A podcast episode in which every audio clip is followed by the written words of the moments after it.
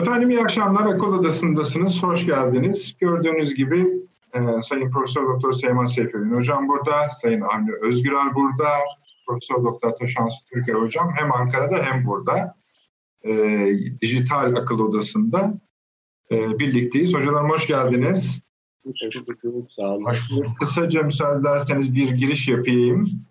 Birincisi tabii dünden yadigar, dün akşamdan yadigar Almanya'nın bu önlemleri gevşetme kararı gün de vererek yani 20 Nisan'da ben bu işi bırakırım artık anlamına geliyor. Hatta 15 gün sonra da okulları da açacağım dedi. Bu taze olarak söyleyelim. Ama biz genel olarak şunu yapıyoruz. Yani bir virüsün etrafında dünyayı turlamaya devam ediyoruz, gayret ediyoruz. Öyle söyleyelim. Ee, 2 milyon hasta var dünyada, 130 bin insan hayatını kaybetti. Rusya ve Hindistan'dan artık daha ciddi rakamlar geliyor. E, hafta içinde aradaki bir daha doğrusu bir iki gün kadar önce Avni Bey'le sanırım paylaşmıştım. Hindistan'daki görüntüleri yok. Hep birlikte WhatsApp grubumuzda paylaşmıştım. Hindistan'daki görüntüler tam olarak öyle. Her yerden o görüntüler gelmeye başladı. Yani insanlar Hindistan'da biraz virüsten mi ölelim, açlıktan mı ölelim, bari evimizde öleyim, ölelim deyip yollara düşmüş durumdalar. Amerika hakikaten kötü durumunu e, korumayı sürdürüyor. Orada iki tane mesele gözüküyor şu anda. Birincisi e, Birleşmiş Milletler'e bağlı HU'ya yani Dünya Sağlık Örgütü'ne ağır fırçalar e, atıyordu öyle söyleyelim yani tabirle. Bir de üzerine fonlarını kesti ve tabii bu biraz şöyle bir duruma yol açtı esasında demek ki dünya üzerindeki rekabetin ne kadar güçlü olduğuna ilişkin bir işaret bu.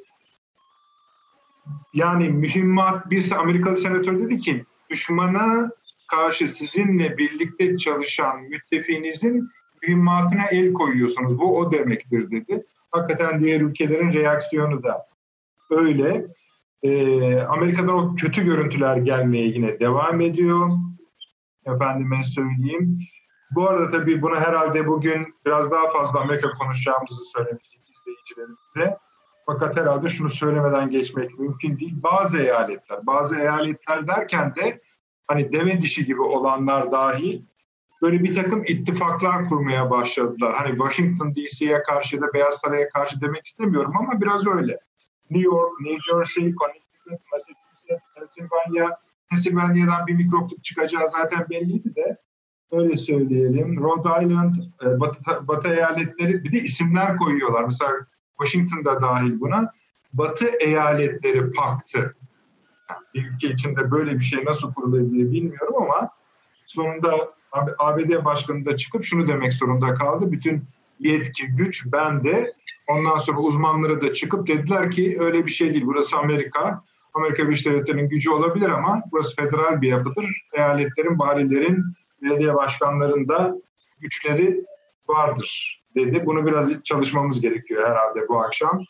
Rusya'da rakamlar artık daha yüksek gelmeye başladı. Öyle ki Çin biraz kaygılandığını bu yüzden de Rusya ile Çin e, sınırını kapattığını, daha sıkı kontroller yapmaya başladığını söyledi ki bu Rusya'da olanlar konusunda bize daha çok e, fikir veriyor. E, efendim söyleyeyim Irak bir başka bu akşam parantez açmamız gereken konu NATO Savunma Bakanları toplantısı var. Dijital olarak onlar da bizim gibi toplanıyorlar ama 30 ülke savunma bakanı ve askeri yetkilileri bir araya gelecekler, konuşacaklar. Oradan koronavirüse karşı nasıl bir mücadele yapılacaklarını, yapacaklarına ilişkin bir şey çıkacak mı, çıkmayacak mı, çıkarsa ne işe yarayacak onları bilmiyoruz. Ee, ama ilgi gelirse eğer e, onları da tabii burada masaya yatıracağız.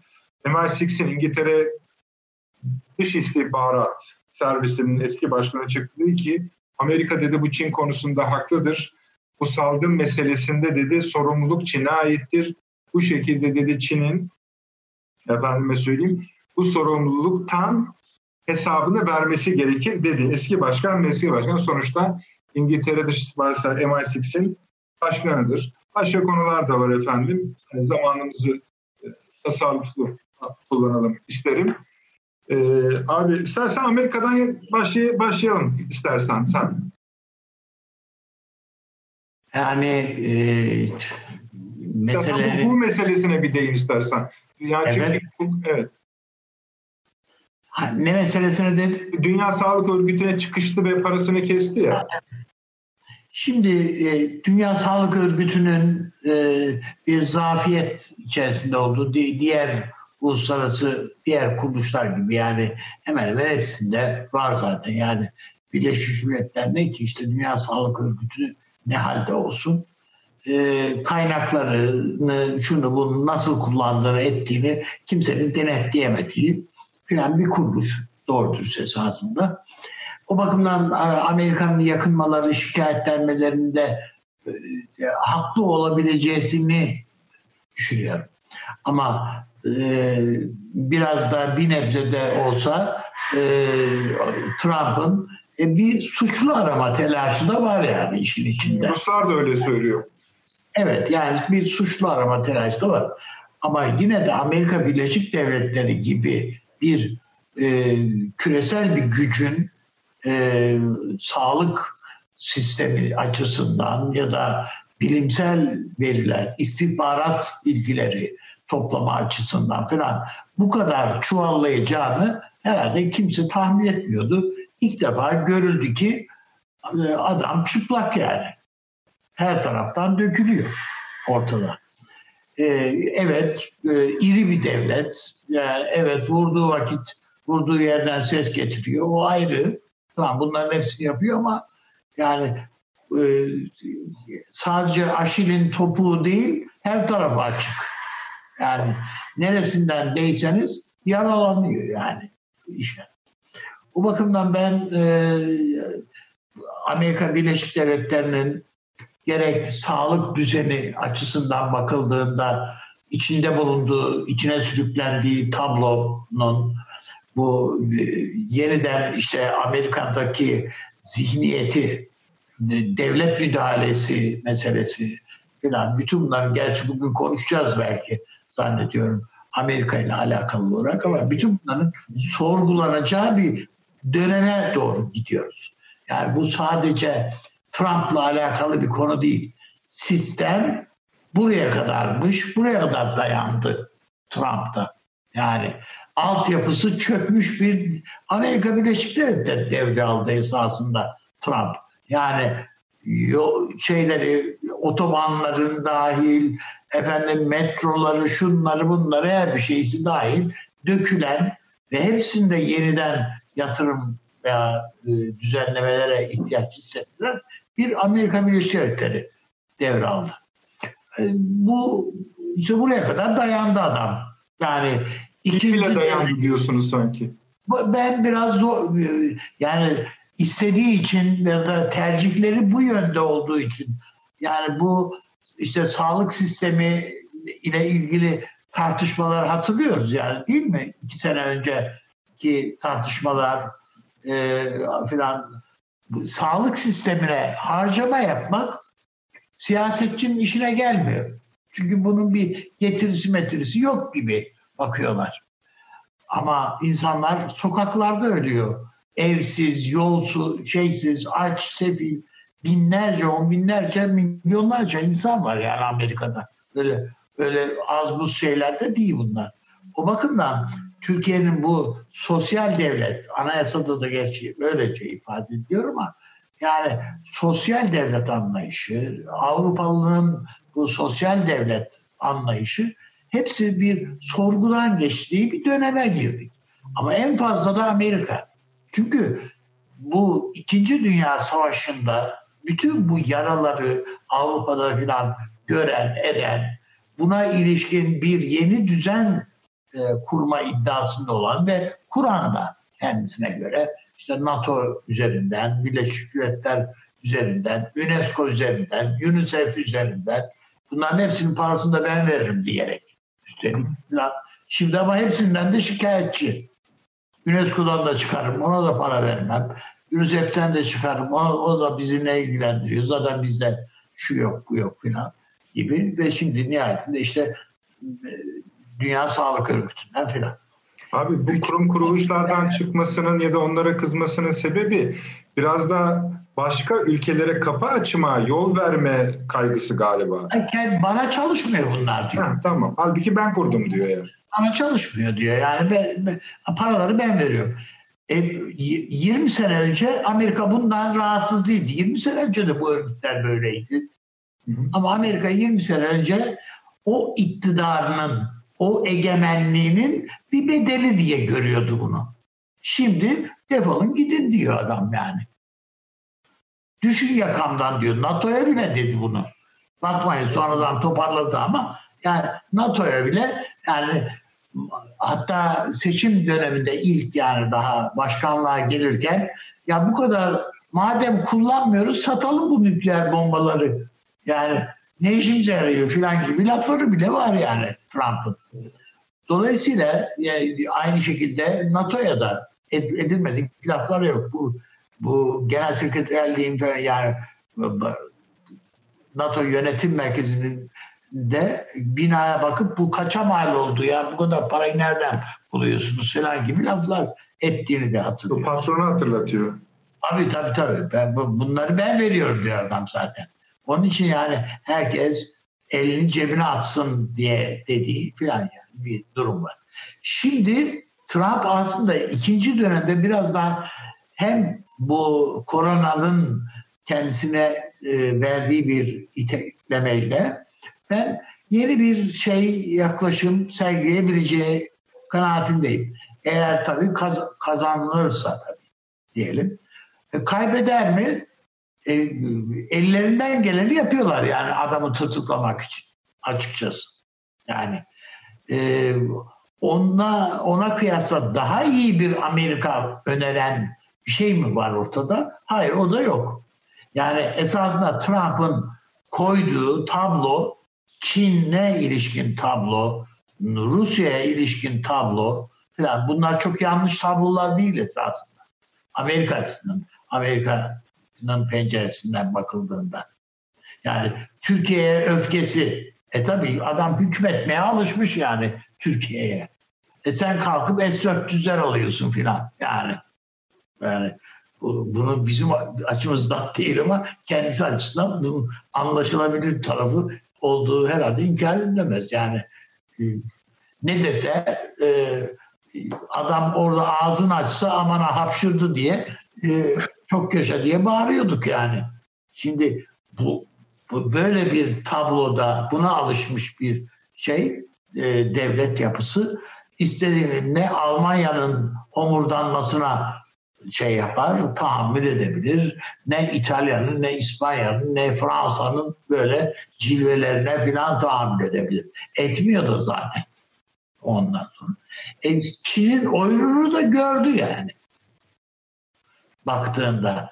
E şimdi burada da e, konuşuyoruz, tartışıyoruz. Çin'deki yapılanmayı, zihniyeti, yönelişi herhalde bunların hepsini biz görüyoruz. O, o çok daha iyisini görüyorlar. Ha, buna rağmen Amerika'nın bir geleceğe ilişkin bir iddiası. Gerçi Süleyman Hocam bunu dolar imparatorluğunun çökeceği şeklinde ifade etti. Ee, çökemez mi? Elbette çökebilir. Ama yenisini kim kurar da Amerika'nın payı olmaz mı? Orası meçhul. Dolar çökebilir, çökmeye de bilir onu bilmem ama e, gidiş bu gidişatı iyi değil yani ama en azından doların. E, habire ver ver ver ver bu dolarla de, piyasayı doyur bununla. Ondan sonra ne, ne, ne çıkacak arkasından? Yeni bir para birimi sadece bundan ibaret değil ama. Daha doğrusu yeni bir e, takas hmm, kriteri. Bu para mı olur, başka şey mi olur, emtia mı olur, altın mı olur onu bilemem ama bunda da e, herhalde bunun arkasında da bir şekilde Amerika olacaktır yani. Amerika'nın payı olacaktır. Diğerlerinin ne kadar olur, olmaz mı? Hayır, Çin'in de olacaktır. Mutlaka olur. Rusya'nın da falan. Hepsinin derece derece olur. Ama Amerika'nın ortadan kalkacağı, sahneden çekileceği bir e, dünya, bir gelecek tasavvuru bana göre birazcık e, romantik bir tasavvur diye düşünüyorum. Yani Sovyetler Birliği ortadan Sovyetler Birliği ortadan yok olur mu? E olurdu. Evet oldu da zaten. E bugün yani Sovyetler Birliği'nden ne farkı var yani e, Putin yönetiminin? Herhangi bir farkı yok. Bir yönt üslup değişikliği, yöntem değişikliği filan yani ondan ibaret. E, baktığınızda yine e, Rus, e, Sovyet liderlerinin e, yani e, işte e, Sovyet dönemi milli marşının filan gayet böyle görkemle çalındığı bir Rusya var yani hala karşımızda. Onun için ben önümüzdeki dönemi inşa edecek olan işte akil insanlar yani işte Amerika'da diyelim Kissinger'lar falan yani bu meselelerde. Efendim Avrupa'da keza e, üniversiteler bizde de bütün bunlara kafa yorması gereken bir döneme giriyoruz. Lütfen. Bakın basit bir şey yani belki ondan bitireyim. Yani Lütfen. E, şeyde e, bu Irak'ta bir türlü biliyorsunuz başbakan dayanmadı bu Irak'a. Kimi görevlendirdilerse işte olmadı. En son Allavi filan da onlar da e, bu işi başaramadılar. Ve sonradan işte şimdi e, yeniden bir görevlendirme yapıldı eski e, Necep valisi e, şimdi başbakanlık hükümeti kurmakla görevlendirdi. Ama ilginç olanı şu yani bakıldığında efendim bu Kazimi e, adam e, İran tarafından e, Süleymani'nin Süleymani'yi öldürmekle yani o suikastta parmağı olmakla suçlanıyordu. O bölümdeki istihbaratın eski başkanı. Evet başkanıydı ve e, suikastın arkasında bu adam var diye suçluyordu İran. Hı. Ama şimdi onun başbakanlığını destekleyeceğini söylüyor. Ee, İran da İran destekleyeceği gibi e, Amerikalılar da onu destekliyorlar, istiyorlar. Amerikalılar destekliyor zaten evet. E, Irak'taki bütün siyasi gruplar, Şii grupları hepsi destekliyor.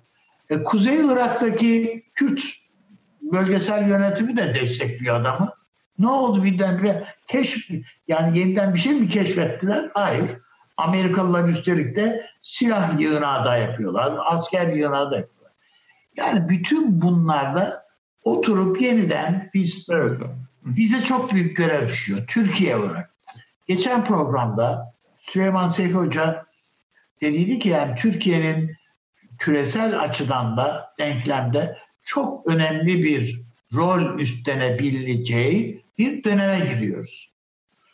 Evet bence de öyle ama yeter ki bu rolü oynayabilecek bir e, şey. Yani bir plan olması gerekiyor bir tekst elimizde olsun, bir hazırlığı elimizde olsun. Devam edelim abi sonra. Ee, bir iki şey ekleyeyim Süleyman Hocam size gelmeden önce. Birincisi bu işte Amerika'nın sahneden çekileceği, çökeceği gibi hani e, hani onu herhalde çok fazla kişi tam olarak bunu ifade ediyor mu bilmiyorum. Varsa da onu da yani değerlendiririz ayrı bir konu ama her halükarda azalacağına ilişkin bir beklenti var bir kısmına temenni de diyebiliriz. O azalmaya da razı olmadığı için bu azalmaya razı olma hali devam ederse daha çoğunun gideceğine ilişkinde herhalde bir devlet background'u var Amerika'da. Buna şiddetle karşı çıkıyor. Onu da ekleyeyim. Ee, ama her halükarda Amerika Birleşik Devletleri 3. Dünya görüntüsü vermeye devam ediyor. Şunu ekleyeyim mesela. Bir de fareler sorunu çıktı. Şimdi bu fareler meselesi çok iyi hani e, bu salgınla birlikte ortaya çıkan tablonun devamı olarak Amerikalı uzmanlar tarafından, resmi kurumlar tarafından deklare ediliyor. Yani ilk e, eyalet eyalette yani başta New York ve Los Angeles olmak üzere büyük fare ataklarının ortaya çıkacağını söylüyorlar. Çok büyük e, fare popülasyonda artış olduğu gibi açlığın da başladığını, birbirlerini yemeye başladığını yakında şehirlerde bunların şimdi bu çok bu bu New York yani bir fare popülasyonu vardır. Londra'da da var o. Ee, ama bu bahis ettiğimiz 3. dünya görüntüsüne büyük eklemeler yapıyor. İşte mesele biraz da burada galiba. Bir de son olarak şunu söyleyeyim fazla. Bir önceki programda petrol ve altın konuşmuştuk hatırlıyorsunuz. Ee, Taşanlısı Hocam mesela petrol buna rağmen geriledi. Geriliyor.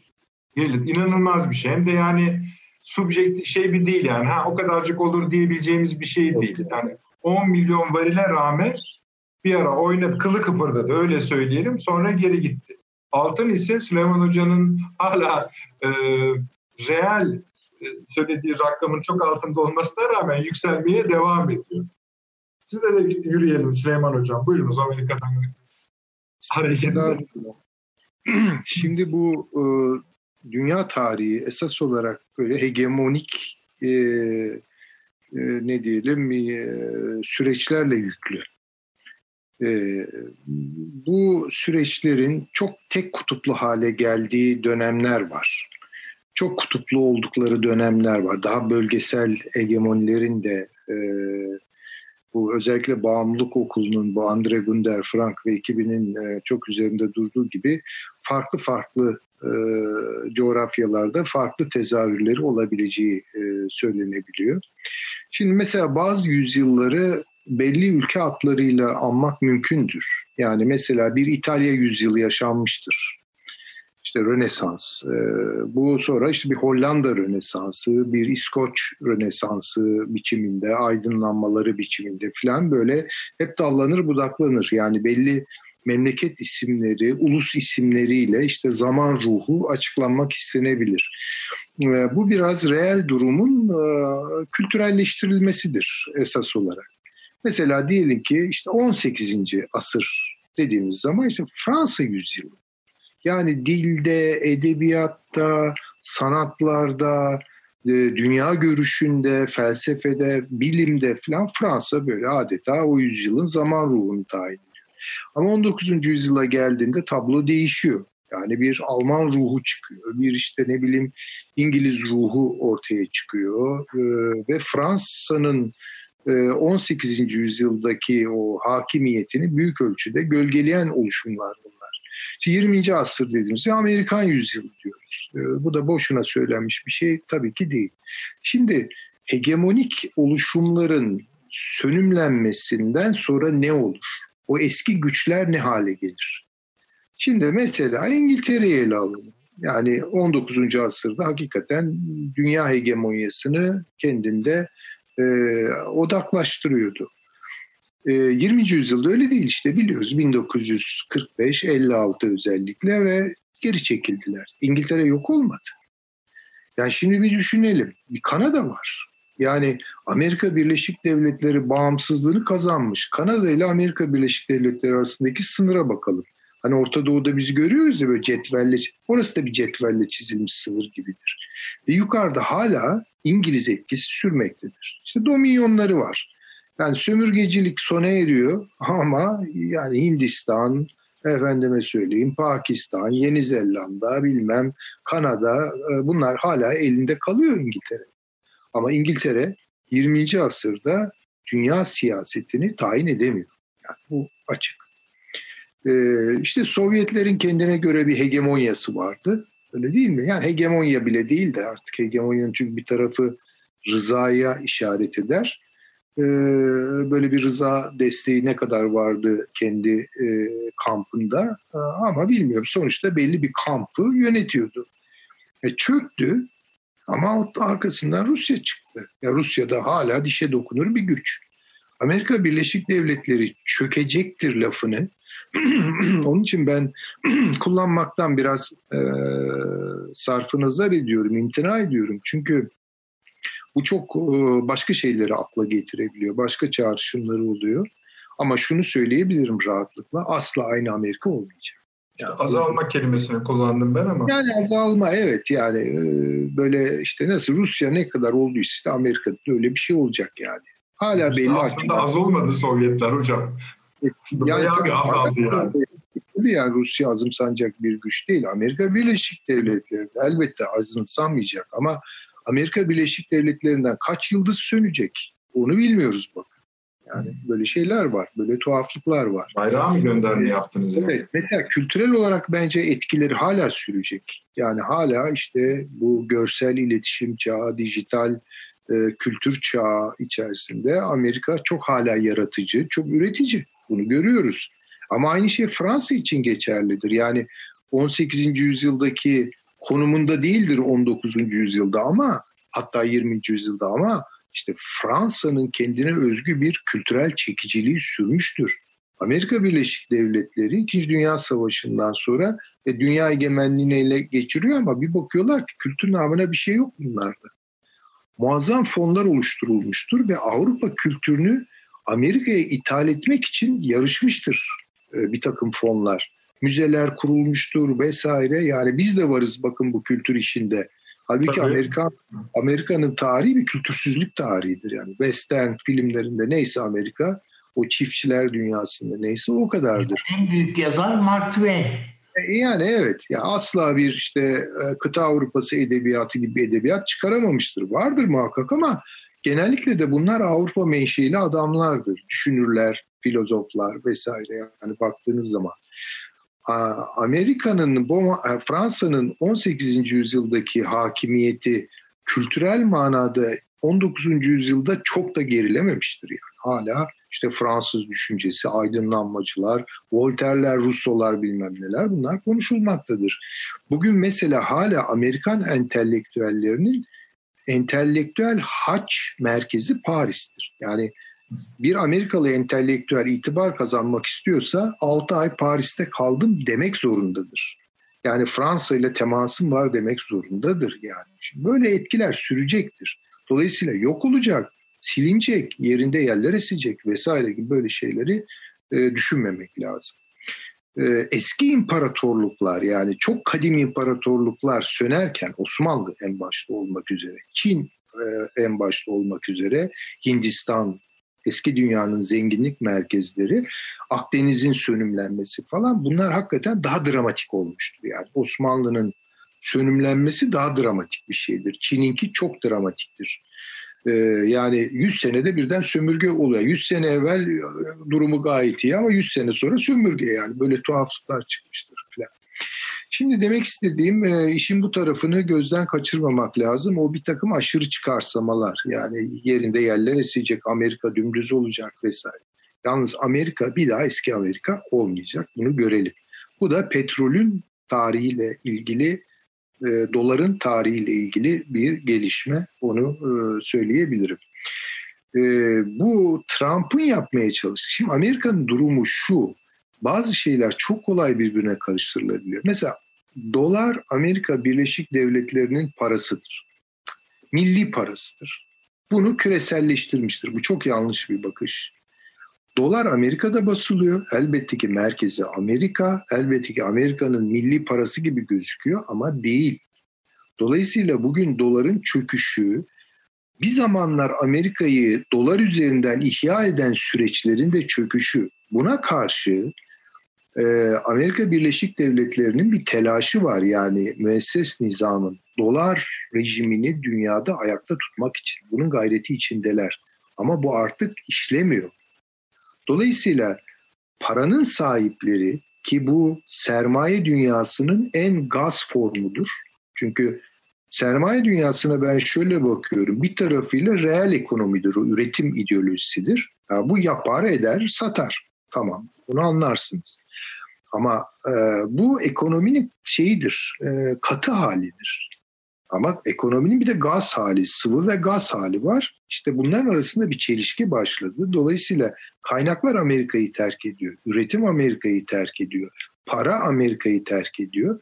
E, bu durumda ne, ne çıkacak ortaya? Amerika Birleşik Devletleri ayakta kalabilmek için dolara sarılacak tabii ki. Trump da bunun mücadelesini verecek. Neokonlar bunun mücadelesini verecekler elbette. Ee, önüne alabilecekler mi? Tereddütlerim var. Önüne alabileceklerini ben pek zannetmiyorum. Yani bunun e, Amerika Birleşik Devletleri'nin devlet olarak ayakta kalabilmesi söz konusuysa eğer ki mümkündür elbette kayıplarıyla birlikte bu dolar üzerinden olmayacak. Dolar olsa bile doların dünyadaki değeri aynı şey olmayacak. Bunu rahatlıkla söyleyebilirim. E, bunun yerini ne alacak? İşte zaten bütün spekülasyonlar, bütün tartışmalar. Sıra burada. şey vardı hocam. Huawei'in blockchain'in bir parçası olarak daha etkin bir moda modüle geçme haberleri vardı. Doğru yani şimdi bunu Çin de kendi milli yararına ne kadar tahvil edecek? Evet üretim Çin'e kaydı, finansal kaynaklar Çin'e kaydı bunları görüyoruz. Çin'in bir taraftan bunların rüzgarıyla hareket eden bir e, niteliği var. Bir tarafıyla da bu e, avantajları ele geçirdiği bu teknolojik avantaj, e, sermaye avantajını da millileştirmek gibi derdi var. Ama teknolojinin böyle bir derdi yok. Ya da e, finansal dünyanın böyle bir derdi yok. Dolayısıyla Çin de bir bakıma kendini var eden şeylerle belki bir noktada hesaplaşmaya başlayacak. Yani dediğim gibi iki şeyin e, büyük çatışmasına doğru, büyük hesaplaşmasına doğru gidiyoruz. Müesses nizamlar, kurumsal yapılar, devletlerle işte bu uçucu sermaye ilişkisi. Ha, kim kazanacak? Benim tahminim reel ekonomileri, reel sermayeyi, ulusları yanına alan devletler bu e, mücadeleyi kazanacak. Dolayısıyla çok daha farklı bir dünya ortaya çıkacak. Ama bu mücadeleyi devletler kazandıktan sonra bunları uluslarına yar mı edecekler onu bilmiyorum. Yani orada işte o sağ popülizmler, ırkçı tehlikeler, e, katı aşırı milliyetçilikler, e, özgürsüzlükler bir sürü şey devreye girecek. Ha bunu daha sonra ulus açabilir mi? Ulusal e, devlet ulus gerilimi aşabilir mi, açabilir mi? İşte orada da bence kamucu ve katılımcı politikalar devreye girecek. Bir şekilde bunun paylaşımıyla yeniden bölüşümüyle ilgili sorunları yaşayacağız. Ama bu daha uzun bir vadede yaşanacak bir şey. Ama bugün büyük ölçüde devletlerle uluslar arasında gözüken bir mücadele var. İnsanları evlerine kapattı. Yeni tablo. Bu ne kadar sürdürülebilir bir şey? Sorunuz dediniz işte Almanya bu işten çıkmaya çalışıyor. Danimarka. Eminim bu bir süre sonra... verdi işte yani 20 Nisan'da ben açarım dükkanı. Yani şimdi buna sadece tıbbi açıdan bakıp e, herkes evinde otursun demek kolay. Ama ekonomi, geçim, insanların e, ödeme zorlukları e, vesaire bunlar bir süre sonra düzenlenmek zorunda ve aşama aşama ekonomiyi yeniden canlandırmak zorundayız. Reel ekonomiyi yeniden canlandırmak, özellikle tarımı yeniden canlandırmak zorundayız. Bunlar çok çok mühim şeyler. Ve bu öncelikleri devlet iyi bir sıralamaya tabi tutup e, politikalarını buraya hasretmek zorunda. Yani böyle otur evdeyle olacak işler değil bu. Yani bir de bu korku işinin ee, ben çok özür dilerim belki biraz konunun dışına çıkıyorum ama yok, yok, yani, yani konumu sınırlı biliyorsunuz. Yani medya tıbbi bir medya haline geldi. Yani koca bir medya sağlık programı haline geldi. Şimdi tabii ki doktorları dinleyeceğiz. Tabii ki uyarılarını ama sonuçta bu korku üretiyor. Terörize ediyor bizi. Bu olmamalı. Tabii ki tedbir ama korkaklık asla. Yani biraz insanların yani neler yapılabileceğine dair devletten de bir şeyler duymaya ihtiyacı var. Hangi program etrafında, hangi vadede yeniden görece normalleşmeler yani üretimi canlandıracak normalleşmeler yaşanacak. Bunların da eminim e, hükümetler, devletler bir şekilde hesabını yapacak. Bir de şöyle yapıyor hocam medya. Evde kal Türkiye ile olmuyor bu iş. Olmuyor tabii canım. Olur mu yani? Evet. Onun için yani e, Danimarka'nın yaptıklarını anlayışla karşılıyorum. Almanya'nın yaptıklarını aynı anlayışla karşılıyorum. Bu bir optimalite meselesi. Yani bir optimal noktayı yakalamak zorundayız. Çok değişkenli düşünmek zorundayız. Yani ekonominin gerekleriyle sağ, sıfsı sıhanın gereklilikleri arasında bir denge bulup ona göre hareket etmek zorundayız. Tek dereceli düşünürsek, tek dereceli kararlar alırsak bu bence pek de hoş bir şey olmayacak.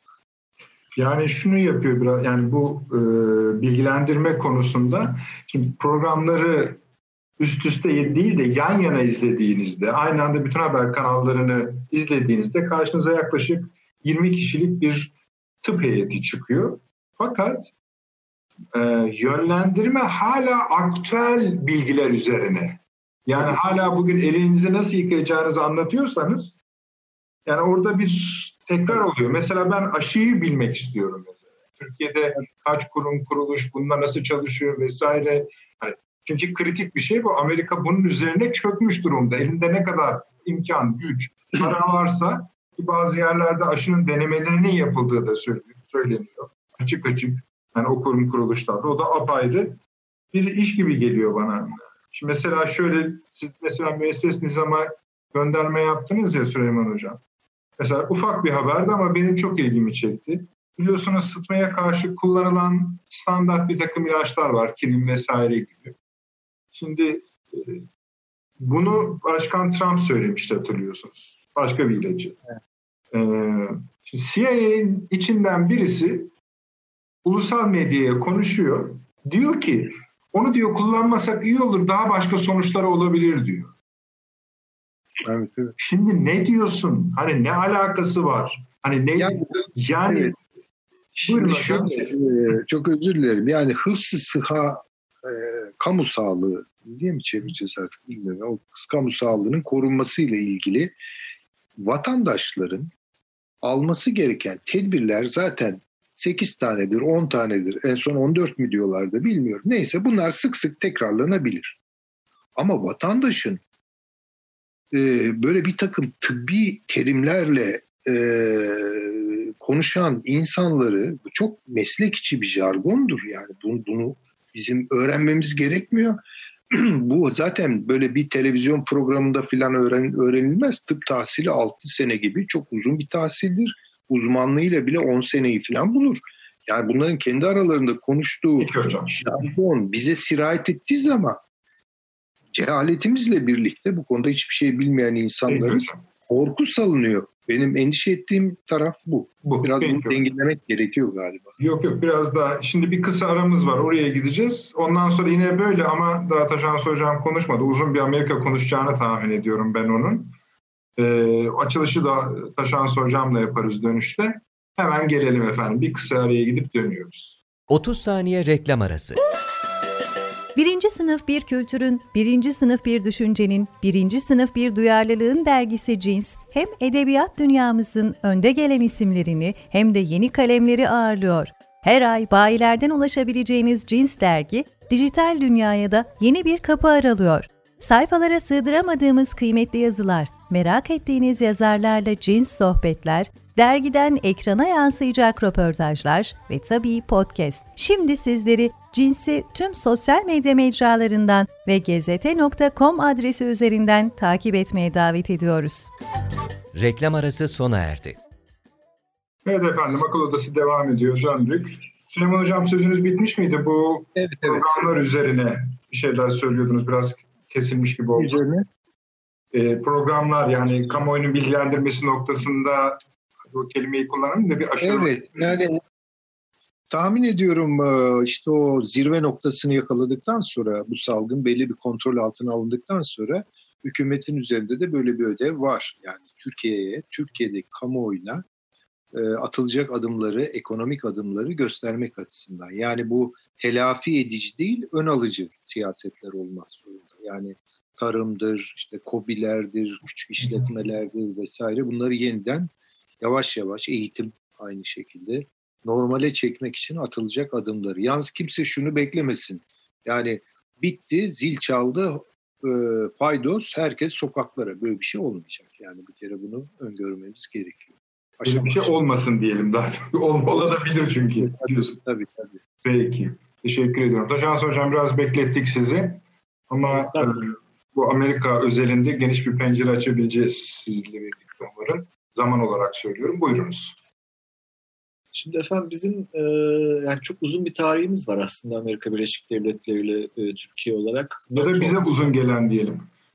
Valla bize de uzun geldi. Aslında uzun da şöyle NATO çerçevesinde çok yakınlaştığı belli ilişkilerin ama onun öncesinde e, Osmanlı'nın son dönemlerine varan e, 19. yüzyılın ortalarından itibaren e, Amerika ile ilişkilerimiz vardır. E, zaten yükselen bir güç olduğu tespit edilmiştir o dönemde ve çeşitli ilişkiler de kurulmuştur. Ancak ee, şöyle söyleyelim hani her toplumun ve aydınlarının da kendine göre e, belli düşünce kalıpları ve çerçeveleri olmak zorunda.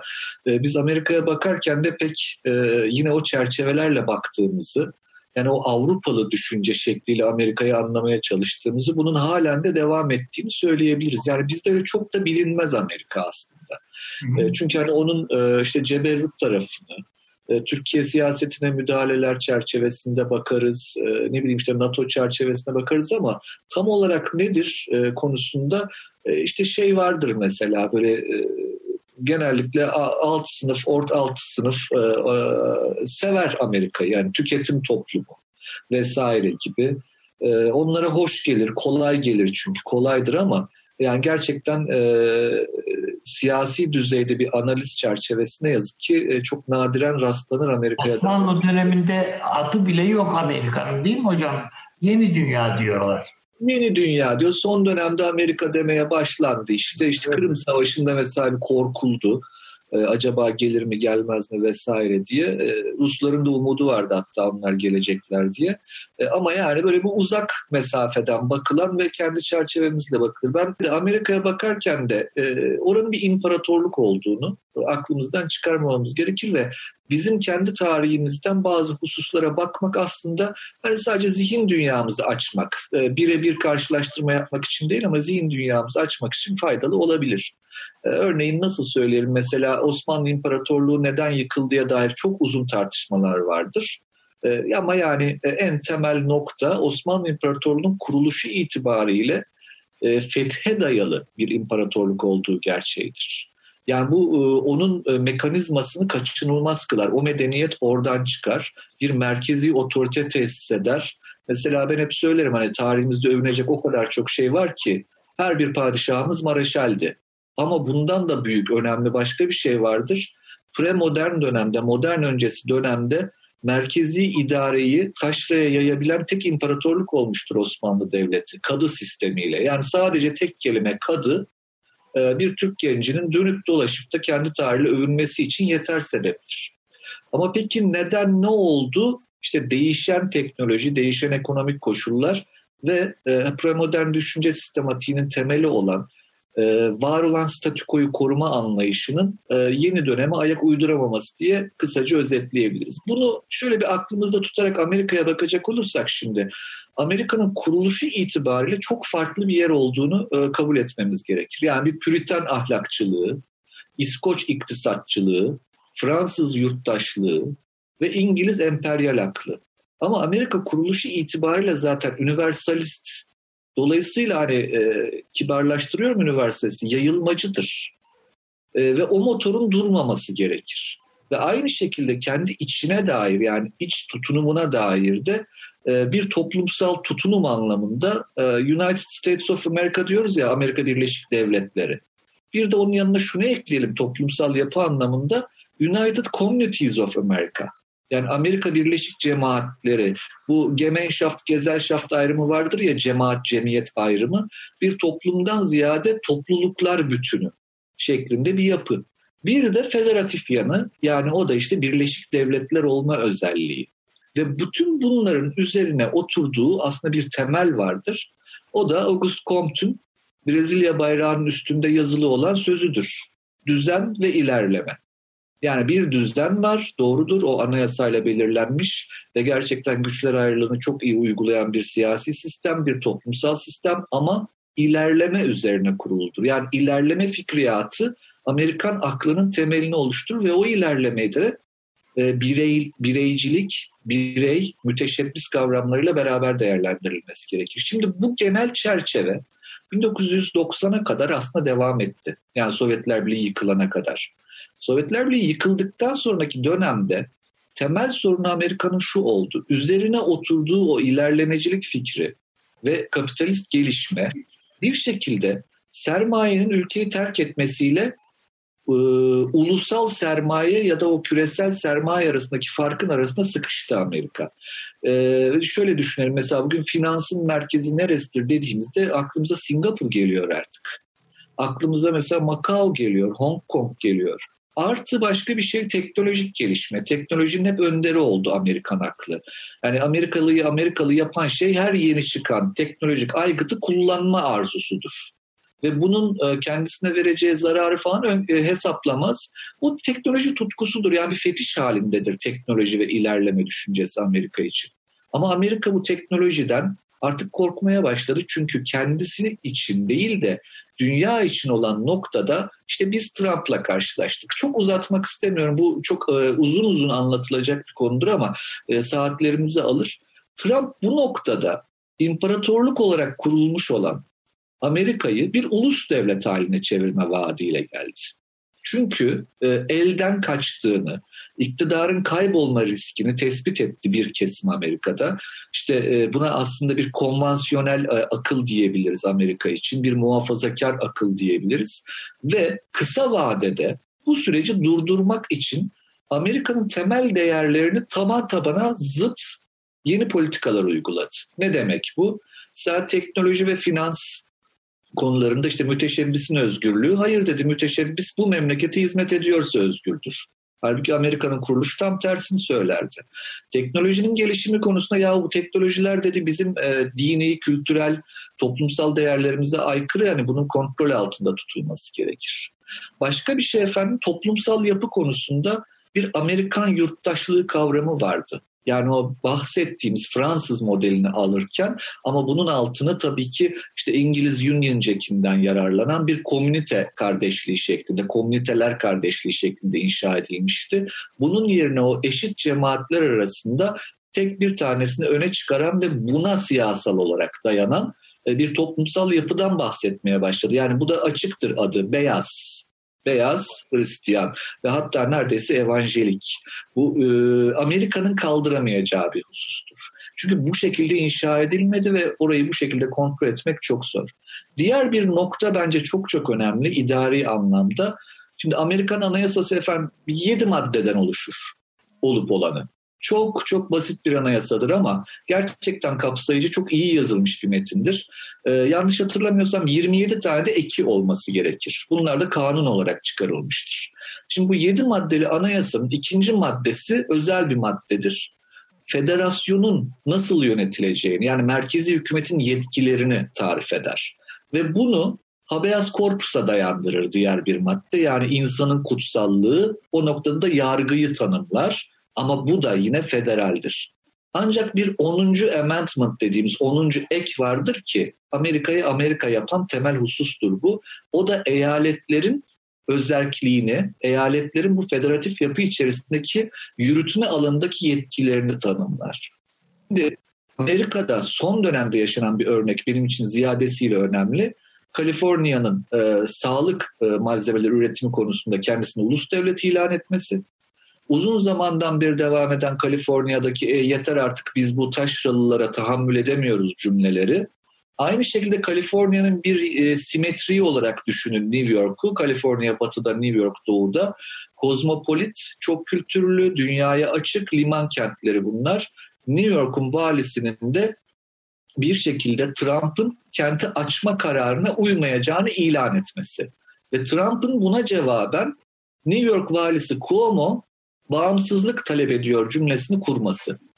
Ee, bakın bunlar inanılmaz derecede ilginç bir tartışmadır Amerika için. Bizler açısından anlamak e, biraz zor ama Amerikan yapısı dediğimiz şey tam da aslında bu eyaletlerin özelliği üzerine kurulu olduğu için. Şimdi her şey e, bir kenara anayasaya aykırı Trump'ın tavrı. E zaten Amerikan toplumsal yapısına aykırı e, bir e, toplumsal e, taleple geldiği de açık. E, yine bunu destekleyen bir iktisadi taleple geldiği de açık. Peki bu neden oldu? Çok açık. Kısa vadede bir şekilde Amerika'yı bir arada tutabilmek için. Ancak kısa vadede uyguladığınız bir ilaç biliyorsunuz hasta bir vücuda orta vadede e, onu öldürebilir. O yüzden onu denetleyecek başka unsurları da başka onu dengeleyecek ilaçlarla takviye etmeniz gerekir. Şimdi Amerika'nın yaşadığı temel sorun bu noktada acaba bir illiberal demokrasiye mi gidiyoruz tartışması başladı mesela Amerika'da şu an. Bunun da hani çıkış noktası e, işte e, kızının, damadının e, ve birkaç tane daha gerçekten kıymeti kendinden menkul şahsın bir komisyonda toplanması oldu. Bu komisyon Amerika'yı açma komisyonu. Yani salgın sonrasında geçişi yönetecek olan komisyon. Ancak burada kamu yönetimcileri yok, sağlıkçılar yok, ve eyaletleri temsil eden hiç kimse yok. Ve bu acaba biz illiberal demokrasiye geçiyor muyuz tartışması için Amerika için yeter sebeptir. Hatta cevaben e, öyle şeyler söyleniyor ki Amerika'da şu an. Hayır deniyor, liberal bir oligarşiye doğru ilerliyoruz. Bakın bunlar... Şimdi artık yeni kavramlar üretemiyoruz, hibrit kavramlar üzerinden yaşıyoruz. Kesinlikle, yani. kesinlikle. Ancak bu hani e, şöyle söyleyelim, Amerika gibi bir toplumsal e, yapı denir mi buna bilmiyorum ama e, bir varoluş şekli için son derece yabancı yaklaşımlar. Bunlar Avrupa'da bir e, Alman modelinde mesela çok normal karşılanabilir Trump. E, ancak Alman modelini alıp Amerika'ya uygulamaya çalışmak gerçekten çok çok zordur. Hani bizim imparatorluğun dağıldığı dönemleri lütfen bir düşünün, aklınıza getirin. Ben e, daha aşılamadığını düşünürüm. Yusuf Akçura Bey'in e, çok güzel özetlemesiyle o Osmanlıcılık, İslamcılık, Türkçülük çizgisi ee, bakın orada da o imparatorluğun e, bir tehdit altında olduğu dönemde kimliklenme süreçlerinin ve idari süreçlerin nasıl dönüşüme uğradığını, o zihinsel dönüşümü takip edebilirsiniz. O çok güzel bir izlektir bizim kendi tarihimiz açısından. Amerika için baktığımızda da bugün çok ilginç bir şekilde Trump'ın artık bir nevi kıta Avrupası modelini yani kıta Avrupası modelindeki bir ulus devleti var etmeye çalıştığını görüyoruz ama bu Amerika toplumunda uygulanması gerçekten mümkün olmayan bir husus. Neden mümkün değil? Efendim Amerika'da mesela ırkçılık ciddi bir konudur. Bu aşılamayan bir konudur. Ee, buna bir çözüm önerisi yok. Efendim Amerika'da mesela işte ırkçılık dediğim yani siyah sorunu, Latinlerin durumu e, başka bir konudur. Amerika'da ne bileyim e, mesela Hasidik Yahudilerin e, birkaç gün evvel Brooklyn'de yaptıkları bir gösteri vardı. Bu inanılır gibi değil. Yani bir haham gelmiş, e, onun konuşmasını dinleyecekler. E, bütün bu sokağa çıkma yasaklarına rağmen ki biliyorsunuz hani Brooklyn şeydir, ağırlıklı e, bir Yahudi nüfusa sahiptir. E, hatta bir ucuna doğru giderseniz Brighton Beach'tir e, güneydoğu ucu. Çok güzel bir yerdir. Ben mesela e, artık kendimi aç hissettiğimde, bir şeyler yemek istediğimde oraya giderim ki orada güzel Rus restoranları vardır. Mesela Odessa restoran vardır. Doğru düzgün porselen tabak ve cam bardak görürsünüz. Amerika için çok büyük lüksler bunlar biliyorsunuz. O her şeyi kağıtta tüketme alışkanlığından dolayı. E, orada mesela e, binlerce Hasidik Yahudinin omuz omuza e, bekledikleri e, kendi din alimlerini, hahamları dinlemek için e, bütün bu e, yasaklara uymadığını görüyorsunuz. Ve bu Amerika için çok normaldir. Çünkü Amerika eninde sonunda dini özgürlükleri tanıyan, bunun üzerine inşa edilmiş bir ülke. Şimdi bu örnekleri uzatabiliriz. Peki Ancak Taşansı Hocam yani burada tam gördüğünüz tehlike ne Amerika için? Ee, varacağı nokta ne diyeyim yani? Şöyle söyleyeyim. Yani burada, etkileyecek varacak nokta, varacağı nokta. E, geçen programlarda siz mi bahsettiniz, Avni Bey mi bahsetmişti? Frankenstein. Hı, evet, beraber bahsettik. Evet. evet, Frankenstein e, biliyorsunuz yani yaratığın adı değil işte onu yaratan demiştik. Amerika burada Frankenstein gerçekten. Kendi yarattığı küreselleşme bir şekilde Amerika'yı boğuyor şu an ve o yönetemediği bir küreselleşme haline aldı. Yani Bill Gates'i yönetme imkanınız yok. Çünkü Amerika'nın kuruluşu zaten müteşebbisin Amerikan devletiyle kurduğu ilişkide müteşebbisin lehine olması hakkındaydı. E, dolayısıyla hani bu Polantzas'ın bahsettiği devletin göreli özelliği kavramında hani devletlerin sermayenin orta ve uzun vadeli çıkarlarını korumak için bir özellikleri olduğu iddiasında Amerika hep istisnai bir örnek olarak bakılan bir ülkeydi. Şimdi bu noktada daha da aktif bir şekilde devleti yönetme talebi yoğunlaşmış olan sermayeden geldiğinde ve e, bunun aynı şekilde Amerika'yı terk etmekle tehdit ettiği ve hatta uyguladığı bir dönemde çıkış yolunun duraklatmak, yavaşlatmak olması Trump'ı ben bu şekilde görüyorum. Bir süreci duraklatma, yavaşlatma çabası ama durdurma değil kesinlikle. Ee, bir şekilde bu tarz sorunlar yaratıyor Amerika iç siyaseti. Peki Taşansı Hocam, e, bu salgınla gelen süreçte sonuçta yani Süleyman Hocam girişte yani birinci bölümde bahsetti ya biz azalma dedik yani çökme falan filan değil. Bu azalma haline mi götürecek sizin çizdiğiniz tablo? Ee, efendim Amerika bir şekilde yani hani dünyadan da dünyada daha mı azalacak? Onu görüp görüyorum. Yani bizi ilgilendiren tarafı o. Onların kendi sorunlarıyla nasıl ilgilendikleri bizim hani uzmanlık olabilir, seyircilerimiz merak edebilir ne oluyor ülkeye falan onları söylüyoruz zaten. Ama ben, azalacaklar mı azalmayacaklar mı? Efendim? Yani hocaya ben de bir şey sorabilir miyim? tabii, yani tabii. bizim- bize göre Amerika böyle bir e, Katar gibiydi. Yani tren rayda gidiyor işte Katar.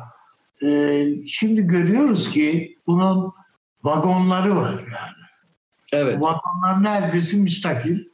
Hatta içinde bunların içinde de kompartmanlar var yani. Herkes kendi havasında o kompartmanlarda. E bu vagonların arasındaki bağlantılar eğer güçlü değilse ya da o vidalar açılmaya başladıysa o zaman gerçekten yandı gülüm keten elva yani. Ee, kesinlikle kesinlikle öyle. Bu şu demek, bu şu demek Nedret Bey, Avni Bey'in söylediği çok doğru. Şimdi aynen Osmanlı devlet yapısını düşünün lütfen. Bakın e, rahmetli Süleyman Demirel'in çok güzel bir sözüydü. Türkiye yönetilmez idare edilir demişti. O başka bir anlamda söylemişti ama e, bu tarz büyük yapılar mutlak kontrolle yönetilmez. Yani o esnekliğe izin vermek gerekir. Zaten o emperyal yapıların hepsinin temeli budur. Amerika'da o yüzden her zaman böyle e, uçurum kıyısında gibi e, giden bir toplumsal ve siyasal yapıya sahiptir. Ancak bu seferki riskler gerçekten çok altından kalkılası riskler değil. Çünkü e, şimdi mesela benim için çok önemli bir haberdi bu. Silah satışlarının patlaması. Yani Amerika toplumuna şöyle baktığınız zaman e, mesela Avrupa toplumu ütopya üstünden kendi siyasal, siyasal düşüncesini belirler. Amerikan toplumunun farklarından bir tanesi bu distopya üzerinden belirler. Yani zombilerden korkar mesela Amerikan gençleri. E, İnanırlar yani bir gün zombiler gelir mi acaba diye. Ve şunu da unutmayalım. e, Fransız yurttaş aklı dedik ya biraz önce. O e, silahlanma özgürlüğü ve birey milis kültürü üzerine dayandığı için çok riskli bir toplumdur Amerikan toplumu ve riskli bir siyasettir. Şimdi burada Trump'ın e, yapabileceği önüne gelen aslında iki tane alternatif var. Geçen programda bahsettiğimiz e, Kissinger'ın e, kendisine tavsiye ettiği husus. Yani bu süreci durduramazsın diyor. Hatta geçen haftalarda Süleyman Seyfi Hoca da çok yerinde bir tespitte bulunmuştu. E, o kadar irademiz yok demişti teknik süreçler üzerinde. Ya bu, bu süreçler çok kolay durdurulabilir süreçler değildir. Yavaşlatılabilir ve daha sonra kontrol altına alınabilir. Ancak Trump'ın bugüne kadar getirdiği süreçten artık bir kırılma olmak zorunda olduğunu düşünüyorum ben. Yani Tamam. ya yani cümle bu. yönetmeye başlayacak ya da Amerika gerçekten hani e, imtina etti Süleyman Seyfi Hoca ama çökmek durumunda kalacak. Çünkü o süreci yönetmeyen bir Amerika'nın zaten kuruluşu itibariyle var olma şansı çok çok az. Peki hocam. Peki. Hocam şöyle bir şey de var mı? Veyahut da bir benzetme yapılabilir mi? Rahmetli Kemal Tahir Osmanlı için yani yıkıldı şu bu diye sorulduğunda yani nasıl değerlendiriyorsunuz diye değişemeyecek kadar iriydi dedi. Evet, evet. Belki Amerika için de bugün aynı şeyleri söylemek mümkün. E, Değişimin zorunlu olduğunu az önce siz anlattınız. Yani e, Süleyman Hocam da, da öteden beri söylüyor. Bu, bu dolarizasyon falan bütün bunlar bir noktaya kadar getirdi Amerika'yı. Ama artık sapır sapır dökülmeye başladı. Ama bu değişim zorunlu ama değişemiyor. Valla üstadım o kadar o kadar güzel bir referans verdiniz ki e, benim aklıma başka bir şey getirdi. Geçen programlarda da bahsetmiştim. Bu Alexander Herzen 1857'de e, yazar bunu. 20. yüzyıl yani 1900'lü yıllar Amerika ve Rusya çatışacak ama Amerika kaybedecek, Rusya kazanacak. Çünkü diyordu Amerika'nın tarihi yok. Ona cevabı 50 sene sonra Kafka vermişti. Hayır Amerika kazanacak çünkü Amerika'nın şatoları yok. Yani değişme kapasitesi var demişti Kafka. Şimdi ben bugün baktığımda e, yani biz bu Amerika'nın şatoları mı var? beri, e, bir yıldan beri konuşuyoruz değil mi? Yani Amerika-Çin rekabetini. E, geçen haftaki e, Le Monde Diplomatik'in kapağı Amerikan-Çin rekabeti nihayet. Nihayet gördüler yani.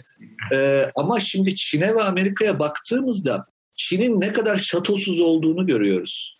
Gerçekten o kadar inovasyona açık ve o kadar esnek bir yapı var ki ancak orada da bir şeye çok çok dikkat etmek gerektiği kanaatindeyim ben.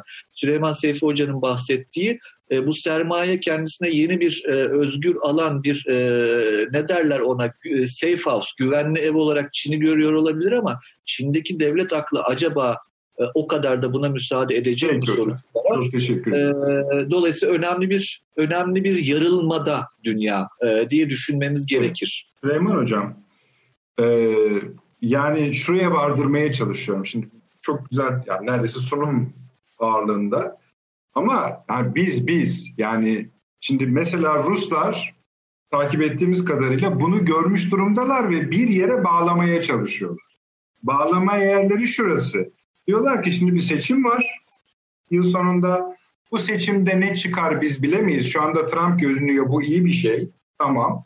Oldu ki çıkmadı. Onu bekleyemeyiz biz. Ne yapacaksak Amerika'yla, Trump'la şimdi yapalım. Ee, onu da nasıl yapalım? İşte bir uluslararası organizasyon düzenli var. Onu denk getirmeye çalışıyorlar. Ben sonra ayrıntılarını yazacağım. Ama bir plan var. Şimdi biz ne yapalım? Yani mesela sizin tarif ettiğiniz şeyi ajans hoca da e, tarif etti. Sonunu da bağladı. Dedi ki hani hoca söylemedi ama dedi ben çökme lafını söylerim dedi. Siz yine söylemeyin ziyanı yok ama bizim ya biz bizim planımız ya da ne olmak lazımdır? Türkiye'nin tabii, tabii. soruyorsunuz değil mi? Şimdi Türkiye'nin tabii bir hegemonyanın çöküşü boşluk doğuracaktır. Bu açık. Yani Amerika'nın dünyadaki uzayan kolları, e, ne diyelim e, coğrafi aşırı, deniz aşırı e, nüfus e, faaliyetleri bir hayli gerileyecektir. Ben bunu söylüyorum. Yani belki bunun gerileme sürecini çok yangınlı göreceğiz. Yani ama bu yangınlara aldanmamak lazım. Yani işte bir can çekişen bünye e, elbette bütün gücüyle e, harekete geçer e, ve belli savrulmalar yaşar. Biz bunları bir etkinlik gösterisi, bir güç gösterisi gibi algılamak, algılamamak zorundayız. Ya da o gücü ölçmenin aracı olarak görmemek durumundayız. Ben çok da uzun olmayan bir vadede Amerika Birleşik Devletleri'nin bölgeden büyük ölçüde çekileceğini. Yani çünkü Taşansı Hoca harikulade hakikaten bir e, çerçeve çizdi. Böyle yangınlı yani evi yanarken Amerika Birleşik Devletleri'nin çok Irak umurunda olmaz veya İran umurunda olmaz. Ha bunu siler mi? E, tamamen devre yok değil. Oralarda da tutunmaya çalışacaktır. Çünkü evindeki yangını kontrol altına almaya çalışırken e, işte o yayılmacı, emperyal reflekslerini de göstermekten imtina etmeyecektir. Ama e, bu e, süreçleri doğru değerlendirmek lazım. Bence orta vadede Amerika Birleşik Devletleri büyük ölçüde bir kendi içinde sönümlenme, kendi içinde kendi yağıyla kavrulma dönemlerine falan girecek. Orta vade ne hocam? Orta vadede dediğim gibi yani hararet artabilir. Yani bu bölgede hararet artabilir. Ama bunu dediğim gibi çok uzun vadeli bir gelişme olarak değerlendirmemek lazım. Buralar boşalacak. İşte o boşalma Türkiye'ye önemli ölçüde tarihsel fırsatlar ortaya çıkarıyor. Muhatapları değişecek. Mesela Avrupa Birliği ile olan ilişkileri büyük ölçüde değişecek. Bu Avrupa Birliği'ni de ayrıca belki konuşabiliriz bir gün. Avrupa Birliği de eğer çökme kavramını kullanacaksak Amerika'da olup bitenler Avrupa için de geçerli. Ee, Avrupa Birliği de kendini yeniden üretecek ama sonuçta hangi birlik olacak o, neyin birliği olacak onu bilmiyoruz. Ama hala başat gücün Almanya olarak kalacağını düşünüyorum. Yani Almanya hala e, gücünü muhafaza edecek ve kendisine o boşlukta da bir yer açmak isteyecek. Fransa buna e, katılabilir belli ölçülerde. E, ama İspanya'yı, İtalya'yı yanlarında boşuna ararlar. Yani bunları destekleyecek. Ancak çok büyük imkanlar sunarlarsa, yeniden onları satın alırlarsa, doğru bir ifade mi bilmiyorum. Ha o zaman tablo değişebilir ama bundan pek güçlerinin yeteceğini de ben zannetmiyorum. Dolayısıyla bir ayrışmaya geliyor aşağı yukarı. Yani Latin Avrupa içerisinde özellikle e, İspanya ve İtalya başı çekmek üzere bir takım kıpırdanmalar. Bunu yarın Doğu Avrupa'da da görebiliriz. Hiç beklenmedik bir şekilde Doğu Avrupa'da Rus nüfuzunun da arttığını görebiliriz. Yani bunlar olabilir. Bunlar birer ihtimal. Esas olarak bence odaktaki mesele artık Orta Doğu diye çıplak soyulmuş bir kavramı konuşmayacağız. Bizim deniz üzerinden konuşacağız. Yani Akdeniz üzerinden konuşacağız ve Türkiye burada gerçekten çok önemli bir e, noktada. Türkiye olmadan kimse de burada kolay kolay adım atamayacak bana kalırsa. O yeni dayanışma örüntüleri üzerinden de Türkiye'nin gücünü katlayarak e, arttıracağını doğrusu ben düşünüyorum. E, Arap dünyasıyla olan ilişkilerde de bu ortaya çıkacak. Yani biz bunu daha evvel de söyledik. Yani İsrail'de dahil olmak üzere. Ama İsrail'i zikretmişken siz onu da söyleyeyim müsaade ederseniz. Bu hala şeyi toparlayamadılar. Ee, seçimden sonra e, yine kurulamadı hükümet. Ve onlar böyle bir boşlukta dönüyorlar yani. Evet. Size geldiği için söylüyorum. Yani Amerika Birleşik Devletleri'nin gücünü e, yedeğini almadan, onun desteğini almadan İsrail'in de çok fazla bir gücü olmayacaktır dünyada. Dolayısıyla o da daha bölgesel ittifaklar arayacaktır kendisine. Belki Orta Doğu barışı biraz bunların üzerine kurulacaktır, kurulabiliyorsa. E, dolayısıyla Türkiye'nin atması gereken adımlar biraz bu vizyona oturmak durumunda. Tabii buna göre Rusya ile olan ilişkilerini yeniden tanzim edecek. Kafkasya ile özellikle yeni ilişkiler, Azerbaycan'dan başlamak üzere. Buna eminim daha Asya'ya doğru eli biraz daha rahatlayacaktır. İşte bu da Türkiye-Rusya ilişkilerinin ne olacağı üzerinden belki sınırları çizilebilecek olan bir şey. Ama Türkiye'nin kendi içinde atması gereken adımlar var. Bunları da görmek durumundayız. Bir kere şunun namusluca muhasebesini yapmak zorundayız. 2008 krizinden öncesinde de vardı ama esas 2008 krizinden sonra dolara boğulmuş bir dünyada Türkiye belli para musluklarından bol miktarda para çekti. Ama bunları çok verimli alanlara yatırmadı. Bunu görmek durumundayız. Yani bir furyaya kaptırdı kendini. Ee, bu da büyük ölçüde bu urban economics denilen bir şey. Yani konut yapımı vesaire, işte turizm çok büyük bir yatırımdı. Tamam faydası muhakkak oldu bunların. Hizmetler sektörüne kaydı bir kere buradan çıkacağız.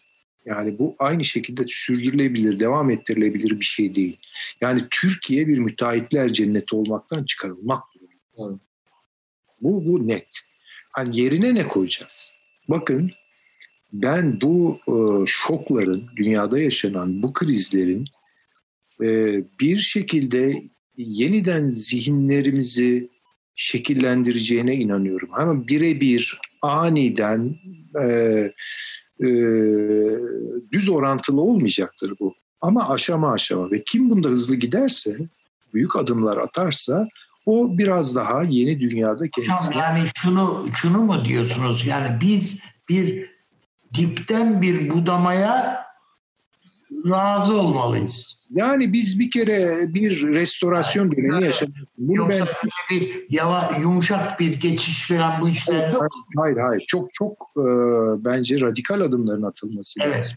Yani altyapı meselemizi, üretim meselemizi tarımdan başlayarak işte evet. çeşitli sınai kollara, teknolojik şubelere varıncaya kadar arttırmak zorundayız. Yani dilimize bir şekilde pelesenk oldu. İşte ARGE yatırımları yapalım, sermaye yoğunluklu bir üretime geçelim, teknolojik e, yoğunluklu bir üretime geçelim. Artık bunları biraz ezberimize aldık. Bu da iyi bir şey. Ama şimdi bunları kuvveden fiile geçirmek durumundayız. Bakın şu tuzaklara düşmemek gerekiyor. Mesela yeniden emek yoğunluklu bir ekonomik tercih yapmak. Bu doğru değil. Ee, bakın Singapur bunu yapmadı. O tuzağa girmedi. Tabii ki her emek yoğunluklu ekonomi bir yerden sonra sermaye yoğunluklu bir ekonomiye geçiş isteyecektir. Ama niye vakit kaybedelim ki? Yani bunu yapmak durumundayız. Hizmetler sektöründe e, özellikle bu tüketim alışkanlıklarımızı milletçe yeniden gözden geçirmek durumundayız. Yeniden biraz daha kanaatkar yaşamak durumundayız. Şehirlerimizi yeniden gözden geçirmek, yeni e, yaşama alanları kurmak, bütün bu dinamiklerle birlikte. Yani hakikaten çok kapsamlı bir programatik geliştirmek lazım. Çok kapsamlı bir vizyon geliştirmek lazım. Aksi takdirde e, pek bu tarihsel fırsatı da değerlendirmiş e, olamayacağız. Ee, Peki hocam. Ben de bir ek yapabilir miyim Necdet Bey müsaadenizle? Buyurun. Kısa alayım hocam. Evet, kısacık söyleyeceğim ama şimdi bu e, mesela o kadar artık e, ilginç karmaşık ilişkiler haline aldı ki e, bizim etrafımızdaki coğrafya. Aslında bu Amerika'nın uzun zamandan beri yarattığı vakum ve belirsizliklerle de alakalı. Yani Trump'ın seçilmesinden beri. Mesela geçen Haaretz'te bir yazı vardı. Suudi Arabistan'ın petrol hamlesi Rusya'nın Orta Doğu'daki planlarını engellemesine sebep oldu. Başlık bu. Şimdi hemen ertesi hemen ardından bir haber gözümüze çarpıyor. İşte e, Lavrov e, Mısır Dışişleri Bakanı ile görüştü. Lavrov'un yardımcısı Bogdanov e, Hafter'in meclisinin başkanı ile görüştü vesaire. Bakın Suudi Arabistan'ın attığı bir adım hiç Türkiye için olsun, Türkiye lehine olsun diye bu adımı attıklarını hiç zannetmiyorum ama Türkiye lehine sonuçlar doğurabiliyor. Şimdi bu vakumlar böyle şeyler ancak e, şu biraz önce benim anlattığım Amerika hikayesinde e, bakın alternatifler var. Trump'ın süreci yönetme yani küreselleşme sürecini yönetmeye karar vermesi yani içe kapanma değil de öyle bir alternatif durumunda e, bunun ciddi anlamda Çin'le bir mücadeleye gireceği olarak okumamız gerekir. Mesela orada da e, Savunma Bakanı'nın yaptığı açıklama çok önemliydi bence. Çin'den hesap sorulacağı günler gelecek bunun için dedi. Bakın bu e, bir şekilde uluslararası arenada Amerika'nın öyle her şeyi birdenbire bırakıp geri çekileceği anlamına gelmediğini gösterir. E, demek ki geri çekileceği... Mümkün de değil zaten yani. Kendisi istese de yapamaz bence. Tabii ki. İngiltere'den. Ondan o biraz. Efendim, İngiltere'den şey geldi. E, İngiltere e, dış istihbarat servisinden aynı şey geldi. Bakın bunların sayısı artabilir. Dolayısıyla şimdi bu e, büyük bir anafordan bahsediyoruz. Yani bu bugünden yarına Peki olacak şeyler değil. Anlatmaya çalıştığımda Amerika'nın aslında e, bu kendi doğası gereği bu transformasyonu yaşayacağı şeklinde yorumluyorum ben. Evet. Yani içe kapanacağı şeklinde değil, tersine kendi doğasına uygun tepkiler vereceği Peki şeklinde. Peki. Bir şey de ekleyeyim, son cümlem olsun ne olur. Ee, Biden'ın çekilmesi, e, bu anlamda bence son derece Biden'ın diyorum çok affedersin Sanders'ın çekilmesi bu anlamda son derece manedardır. Artık Amerika'daki tarafları biz görebiliyoruz. Çünkü Sanders bir taraf değildi. Amerikan doğasında olmayan bir şeydi. Ama Biden ve Trump gerçekten iki tane taraf her ikisini iyi incelemek gerekir. Çünkü ben her ikisinde de e, kazanma ihtimali olarak değerlendirmek gerektiğini düşünüyorum Türkiye açısından. Evet. Burada tabii şöyle bir durum da çıktı. Bunun keskinleşeceğini şuradan anlıyoruz. Yani seçimlere kadar bunun keskinleşeceği şuradan belli oluyor. Mesela ABD Başkan Yardımcısının hakkında tıpkı Monica Lewinsky olayı gibi e, adı sanı belli kişiler, hanımlar öyle söyleyelim, Şimdi taciz iddiaları ortaya atmaya başladılar. Düşünün ki birinci dönemini bitirmiş bir hükümet. Yani evet. ilk dört yılını tamamlamış. Sen bu saatte ortaya çıkıyorsan artık bu geçmişe yönelik değil belli ki bu seçimlere yönelik bir şey. Doğrudur değildir onu da bilemem. O da ayrı bir konudur. Ama bu herkese sıçrayacak bir şey. Yani Amerikan seçimleri bu salgın meselesinden sonra ki rahatlıkla ben söyleyebilirim. Büyük ülkelerin, büyük oyuncuların, orta boy oyuncuların şu anda gözü zaten orada. Şu anda salgını falan gören yok. Onu artık böyle hani idari işlem gibi yani şey önemsi, önemsemiyorlar anlamında söylemiyorum. İdari işlem gibi yapıyorlar. Ama herkesin gözü bu seçimlerde. Hazırlıklarını da ona göre yapıyorlar. Çünkü bu aslında baştan beri konuştuğumuz o postvirüs e, son, yani virüs sonrası, salgın sonrası dönemin ilk eşiği olacak o seçimler. Ondan sonra Yalnız hocam reklama gitsem izin verir misiniz? Tamam. Tamam. Teşekkür ediyorum. Reklama gidelim. 30 saniye reklam arası. Birinci sınıf bir kültürün, birinci sınıf bir düşüncenin, birinci sınıf bir duyarlılığın dergisi Cins, hem edebiyat dünyamızın önde gelen isimlerini hem de yeni kalemleri ağırlıyor. Her ay bayilerden ulaşabileceğiniz Cins dergi, dijital dünyaya da yeni bir kapı aralıyor. Sayfalara sığdıramadığımız kıymetli yazılar, merak ettiğiniz yazarlarla cins sohbetler, dergiden ekrana yansıyacak röportajlar ve tabii podcast. Şimdi sizleri Cins'i tüm sosyal medya mecralarından ve gezete.com adresi üzerinden takip etmeye davet ediyoruz. Reklam arası sona erdi. Efendim akıl odası devam ediyor. Süleyman Hocam bir şey ekleyecektiniz. Reklama gitmek zorunda kaldık. Sonra Avni abiye geçeceğim. Yani yanlış anlaşılmalara e, mani olmak için e, şimdi şunu söyledim ben bir önceki programda da galiba e, Hazirun da iştirak ettiler e, fikrime.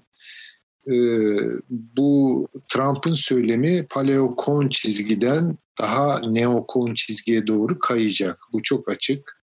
Dolayısıyla tecritçi siyasetlerle meydan okuyucu siyasetler arasında bir geçiş e, yaşayacak e, Trump. Bu tabii bütün dünyayı ilgilendiren bir şey. Bunun nereye kadar uzanacağını ben bilmiyorum. Çünkü kriz dönemlerinin pek dile getirilmek istenmese de ki bunda da haklı sebepler var. Çok ciddi bir savaş riski var. Yani bu bayağı e, meselelerin karakolda bitmesine işaret ediyor. İnşallah oralara gelmeyiz ama daha saldırgan siyasetler izleyeceğini Amerika Birleşik Devletleri'nin ben de katılıyorum Taşan Hoca'nın söylediklerine.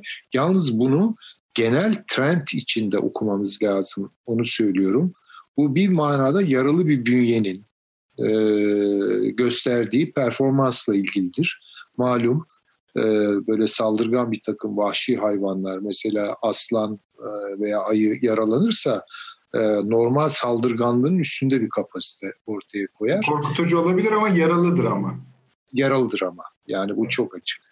E, dolayısıyla o genel gidişatın e, içinde değerlendirildiği zaman Amerikan sönümlenmesine Amerika Birleşik Devletleri'nin küresel gücünün zaafına işaret eden bir husus olduğunu anlamak isterim. Teşekkür ederim hocam.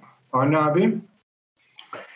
Şimdi hocamın e, yani Amerikan e, gücünün sönümlenmesinin belli bir vadede e, sönümlenmesine e, ne ilişkin görüşlerine itiraz etmek mümkün değil.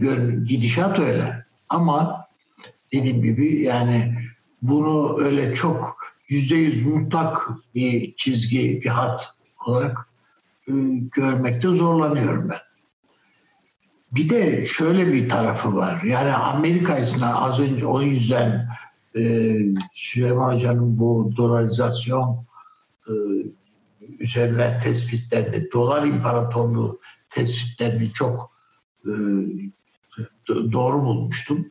Ki hala da öyle o kanaatliyim. Yani doları Amerika aslında kitle imha silahı gibi kullanıyor yani. Evet. Bir bakıma e, adam savaşı ilan etmeden Türkiye'yi dizene getirebiliyor mesela. Veya İran'ı veya Rusya'ya diyor ki sana ticaret yasakları koydum diyor. Şunu yaptım diyor. Ve başka ülkeler için de aynı şeyler geçerli. Yani silah sarılıp da bir şey yapmasına gerek yok. Yani savaşı böyle de yapıyor adam bu dolar en büyük silah haline geldi. Buna ta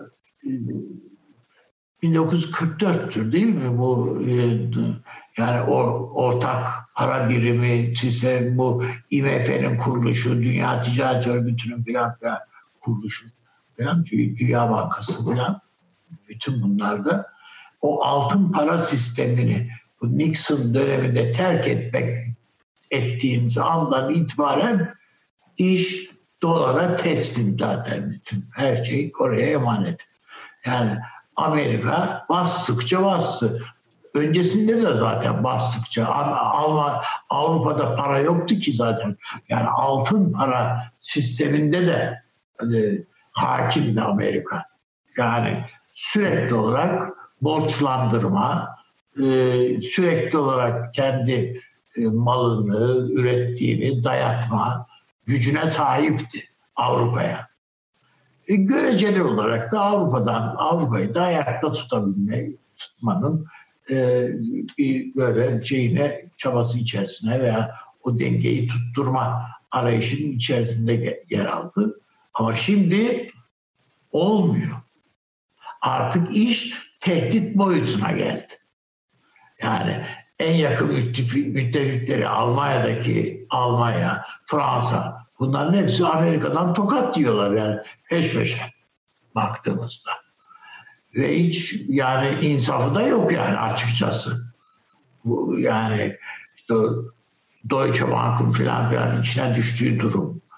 Efendim Fransa'ya kestiği cezalar filan yani ve Avrupa'nın büyük e, otomotiv devlerinin e, içine sürüklendi işte yok işte egzoz gazları şu bu dolayısıyla filan yaşadıkları bütün bunlara bakıldığında bir, bir tek ölçü var yani Amerika'nın yani benim suyumu bulandırdınız demesi. Başka bir şey yok. Keza Çin'e koy, Çin'le ticaret yasaklarında Çin'e koyulan engeller, ticari yasaklar. İşte bu e, beşinci e, sınıf derece e, iletişim sistemlerine ilişkin. Bunların resmen kanser yaptığına kadar neredeyse raporlar raporlar filan da yani o Huawei'in bütün yöneticilerinin tutuklanması dahil olmak üzere. Yani yapılacak işlerin hepsini yani hayal edilebilecek şeylerin hepsini yaptı. E bize bak bakıyorsun yani Türkiye'nin bunlarla kıyaslandığında etine budun ediyorsun. Türkiye'nin en büyük bankalarından bir tanesini genel müdür yardımcısını tutukladılar adamlar. Ve abuk subuk gerekçelerle mahkemelere çıkarmalar, şunlar bunlar. E, Su Suudi Arabistan dediğin dünyanın en büyük e, işte e, stok paraya sahip ülkelerinden bir tanesi.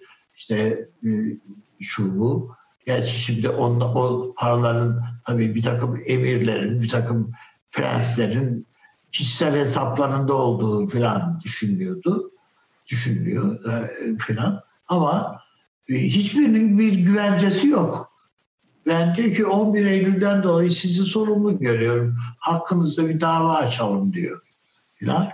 Bir anda bir bakıyorsun ki adamların servetler sıfıra inmiş. Yani dondurdum diyor. O kadar basit yani. Ee, geçmişte bu Libya için denendiydi ve Kaddafi gibi bir dik başlı bir adamı dizinin üstüne çökerttiler yani. Değil mi? Lakırbe olayında adam en sonunda kabul etmek ve tazminat ödemek ödemeyi, ödemeyi benimsemek durumunda kaldı.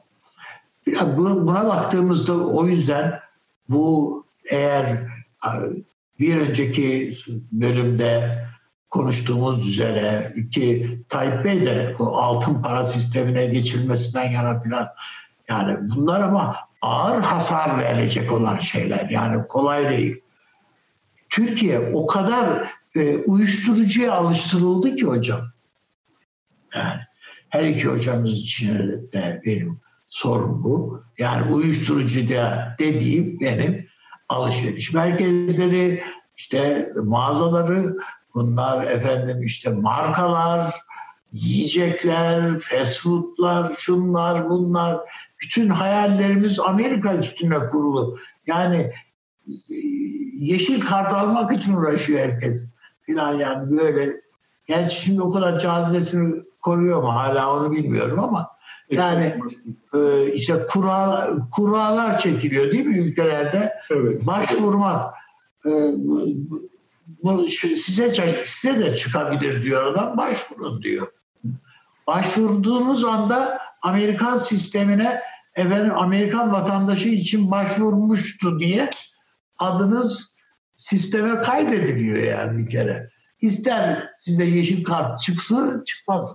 Fark etmez. Sizin geleceğinizde yani biyografinizde efendim bu Amerikalı olmak istemişti zaten diye yazılı.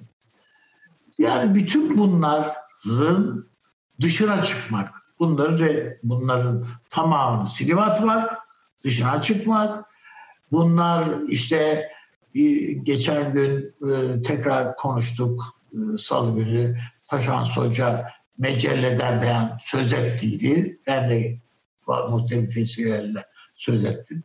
Türkiye'nin bu böylesi hukukçular, böylesi sosyologlar yetiştirmesi, şu bu yani bunlar yani o müstakil bir takım e, ta, şeyler, zihinler, tarihçiler, e, İlber Hoca diyor ki yani değişmek için yani de, işte gelişmeye hazır ülkeler, gelişme yolundaki ülkeler.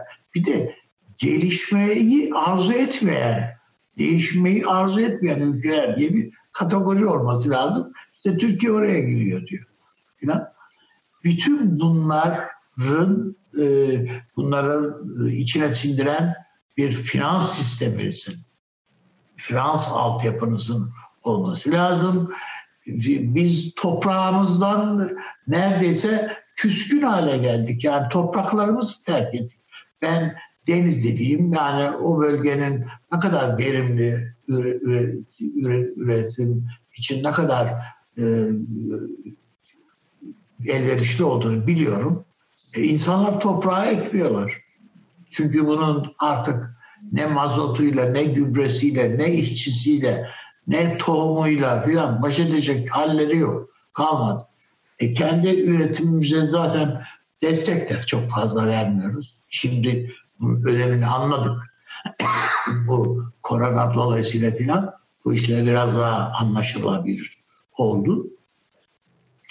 Bir, bütün bunlardan biz kopmuşuz. Yani başka şeyler işte ama bir anda bir fiskeyle işte bir virüs yani bir bakıyorsunuz ki bütün güney sahillerimize yaptığımız yatırımlar şu anda yerle bir. Bekle o turistler gelsin. Daha ne zaman gelir o da Allah bilir.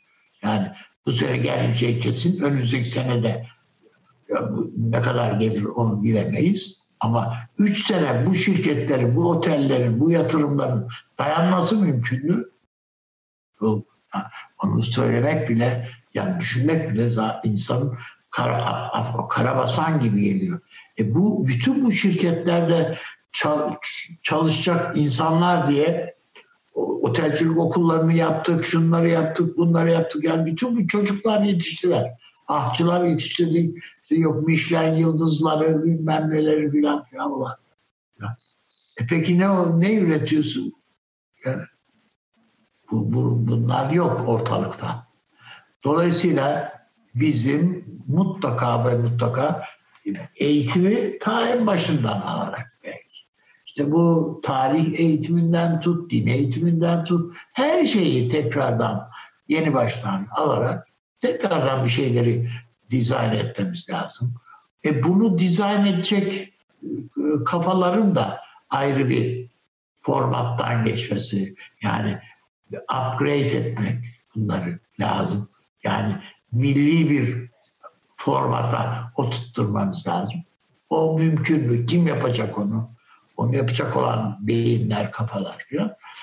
Onun için kolay bir iş değil hocamın söylediği ve bunun bünyesinden biz her türlü yani Osmanlı muhteşem bir yapı kurmuş. Yani o millet sistemi falan işte çok hukukluluk bilmem ne yani bütün bunlar biz bunları yani e, millet olmamıza mani haller falan gibi de gördük. Bütün bunları tekrardan bir elden geçirip kadı sistemi dedi demin e, Taşan Hoca. Kadı sistemi doğru. Yani her olay ünik. Her olay. Bugün bir mail geliyor. Yani görüyoruz bunlar. Yani tanıdığımız ya da takip ettiğimiz olaylara ilişkin biliyorsunuz e, çok e, şey bu cezaevlerindeki mahkumların önemli bir kısmının yani az buzda değil e, serbest bırakılmasına ilişkin bir yasa düzenleme yapıldı. Hani gerekli miydi, gereksiz miydi? Mutlaka gerekliydi ki yapıldı. Ama telefonla da ulaşıyorlar, mail de yazıyorlar. Diyor ki ya benim çocuğumu öldüren insan bir sene içinde serbest kalıyor. Ya bu, bu ne, ne olacak bu diyor ya. Ya ben kendi adaletimi kendim mi sağlayayım? Yani diyor. Hani e, kişilere yönelik şeylerin e, affı diye bir şey söz konusu değildi diyor. Filan. Bakıldığında üç kişiyi birden öldürmüş adam. Sırf kamuoyunda filan birazcık sempatisi var diye eski işte eli kalem tutar, yazmış, çizmiş filan diye bakıyorsun ki bir buçuk sene sonra serbest. Yani bakıldığında bu belki bir hadise, tek bir hadise bakıldığında ya o suçu, o şeyi, o insanı öldüren veya yaralayan insan haklı sebeplere sahip olabilir. Bir başkası veya bir eşini döven, öldüren insan kendince haklı, yani kendine göre haklı sebepler ve haklıkçı sebepler sahip olabilir. Bir başkası için öyle bir şey asla söz konusu bile olmaz. Gaddarca hislerle katletmiştir. Kadı dediğiniz insan vicdanıyla karar verir yani. Ama bizim de şeyde Batı hukukunda da öyle. Böyle bir şey yok. Yani standartize ediyorsunuz. Şunu yapana şu kadar ceza. Bitti. Yani hakimin de yapacağı bir şey yok esasında. Cezası yazılmış orada. Evet. O, o yüzden ben bu değişimin bir zihniyet değişimi, işte o mecellede falan zaten öyle bir zihniyet var. O değişimin çok öyle kolay kolay gerçekleştirmesinin mümkün olmadığını düşünüyorum. Peki abi. Şöyle de bir şey ekleyeyim sana yine ufak bir yer açayım sen konuş lütfen. Devam ettir anlamında söylüyorum. Şimdi Amerika ilişkin kestirmelerin bir kısmı da zaten çok basitçe söylemek gerekirse ölüsü bile yeter e, kavrayışına dayanıyor. Evet. Yani çünkü her şeyi bile Amerika'dan silip süpürseniz ortada bir ordu var. Hani o ordu da ordu. Canım, öyle öyle tabii. O, o, orası ayrı. Adam zaten güçle de koruyor o yapıyı. Ama biz esas zihniyet olarak biz çok böyle farklı bir yere savrulduk. Şimdi şöyle söyleyeyim. Yani Amerika'da filan ne kadar e, televizyon programlarında nasıl ne düzeyde tartışmalar yapıldığını filan biliriz. Ama evet. Türkiye'de de baktığınızda arkadaşlar arasında, aile arasında, karı koca arasında hatta konuşulması bile yani telaffuz edilmesi ne imkan olmayan cümleler, konular. Öyle. Ha, televizyon bile diyebiliriz. Bazı fiiller ha, bile. Televizyon ekranlarında konuşuluyor ve gayet normal. Ve bunlar çok yüksek reytingler almaya başladılar. Buradan ünlenen insanlar bile var. Doğru. Yani bu, bu, bu böyle nereye gidebiliriz biz bununla? Ya orası insanı esas ürküten bu. Kaygılandıran bu. Yani baktığınız vakit yani hafızalarınız almıyor yaşanan anlatılan hikaye. Ya bu ancak bu yalandır herhalde doğru olamaz. Yani bir ailenin içinde bunlar yaşanamaz herhalde diyorsunuz. Yani bu hayal gücünü zorlayan şeyler. Ve hatta filmde görseniz saçmalık diyeceğiniz şeyler. Bakıyorsunuz ki aa olmuş yani hakikaten bayağı. Evet, evet. Onun için buna bir neşterin bir şekilde atılması lazım. Yani bu öyle sadece dini tedrisatlar, şunlar bunlar temiz şey yapılacak, rehabilite edilecek bir tablo değil yani. Peki. okulların, derslerin. Hocam falan da hatır, yani bilir muhtemelen. Ya bizim okullarda e, biz felsefe okuduk, ahlak okuduk. Yani bunlar okuduk yani. Ders olarak okuduk. Astronomi okuduk. Bunların hepsi kalktı. Hiçbirisi yok yani şimdi. Peki abi. Onun için yani olsa ne faydası var idi. Onları bırakıyorum bir tarafa. Hı. Ama ya üniversiteden mezun oluyor adam mühendis. Mezun oluyor. E, evde prizi, elektrik mühendisi evde prizi e, söküp takmayı beceremiyor. Biz onu öğrenmedik diye. Yani meslek sahibi değil adam. Evet, peki. Onun için ben e, yani burayı, bu tarafını da üniversitelerimizin falan da işte geçen hafta da ya geçen gün de konuştuk yani hiççe bilmiyoruz. Yani Hindistan'da kaç tane dil var bilmeyiz. Kaç tane toplum şey cemaat var bunlardan bir haberimiz yok. Belki kendilerinin de yok zaten. O ayrı mesele. Hindistan yanlış bir örnek olabilir ama yani burnumuzun dibindeki ülkeleri tanımıyoruz, bilmiyoruz. 11 asır, 12 asırdır beraber yaşadığımız bir Kürt halkı var. Yani ne dilini biliriz, ne şarkısını, türküsünü doğru dürüst. Yani ne diyor falan diye. Hayır yok. Yani e, Türkiye'nin en büyük, yani Türkiye'nin bana göre Tillo mesela yani Siirt'te. Bir zenginliği yani bu e, medreseler Evet şey, çok önemlidir. E, ama biz bunun kıymetini bilmiyoruz. Burnun, onun burnunun dibine e, Siirt Üniversitesi gibi üniversite açtık. Yani. Peki, peki abi. Peki abi. Süleyman Hocam, şimdi Avni abiye şey soracaktım bu konuşmasından sonra. Tam diyecektik ki, şimdi Amerika'yı falan da anlattı ya. E, ya tamam, yani bunu anladık. İşte hani ölüsü bile, ben de söyledim işte ölüsü bile yeter diyenler de var falan ama biz de hep yakınıyoruz. Akıl odasında da çok yakınıyoruz. Hani işte aydın kadromuz, entelektüel akademisyen kadromuz falan filan. Bazen belki haksızlık da yapıyoruz çok bilmiyorum ama hani görünen üzerinden konuşuyoruz. Ee, tamam da sonuçta Türkiye'nin planı ne diyecektim. O da dedi ki sen de televizyonları seyrediyor musun haber programlarını? Hiç seyrediyoruz tabii. Onun için o, o soru boşa düşüyor. Yani hani bir yandan belli bir medya, akademik ortalama var. Bir yandan önümüzde de şöyle bir soru var. Yani Türkiye'nin planı ne? O zaman da hani soru da biraz e, kişiliksizleşiyor. Ben de yani o kişiliksiz zamirle sormak zorundayım. Bununla nereye gidebiliriz? Bunun ne olduğunu hepimiz biliyoruz. Şimdi tabii böyle de-Amerikanizasyon diye bir şeyi başlatmak lazım herhalde. Yani zihinlerimizi biraz buradan kurtarmak gerekiyor. Çünkü hegemonya kavramı e, iki unsuru içerir. Bunlardan bir tanesi zora başvurma. Tamam ama bunu yedeğine koyar. Direkt, doğrudan bunu ortaya çıkarmaz. Daha çok rıza sağlama e, işine ağırlık verir. Yani size en kötü şeylerini bile onaylatır.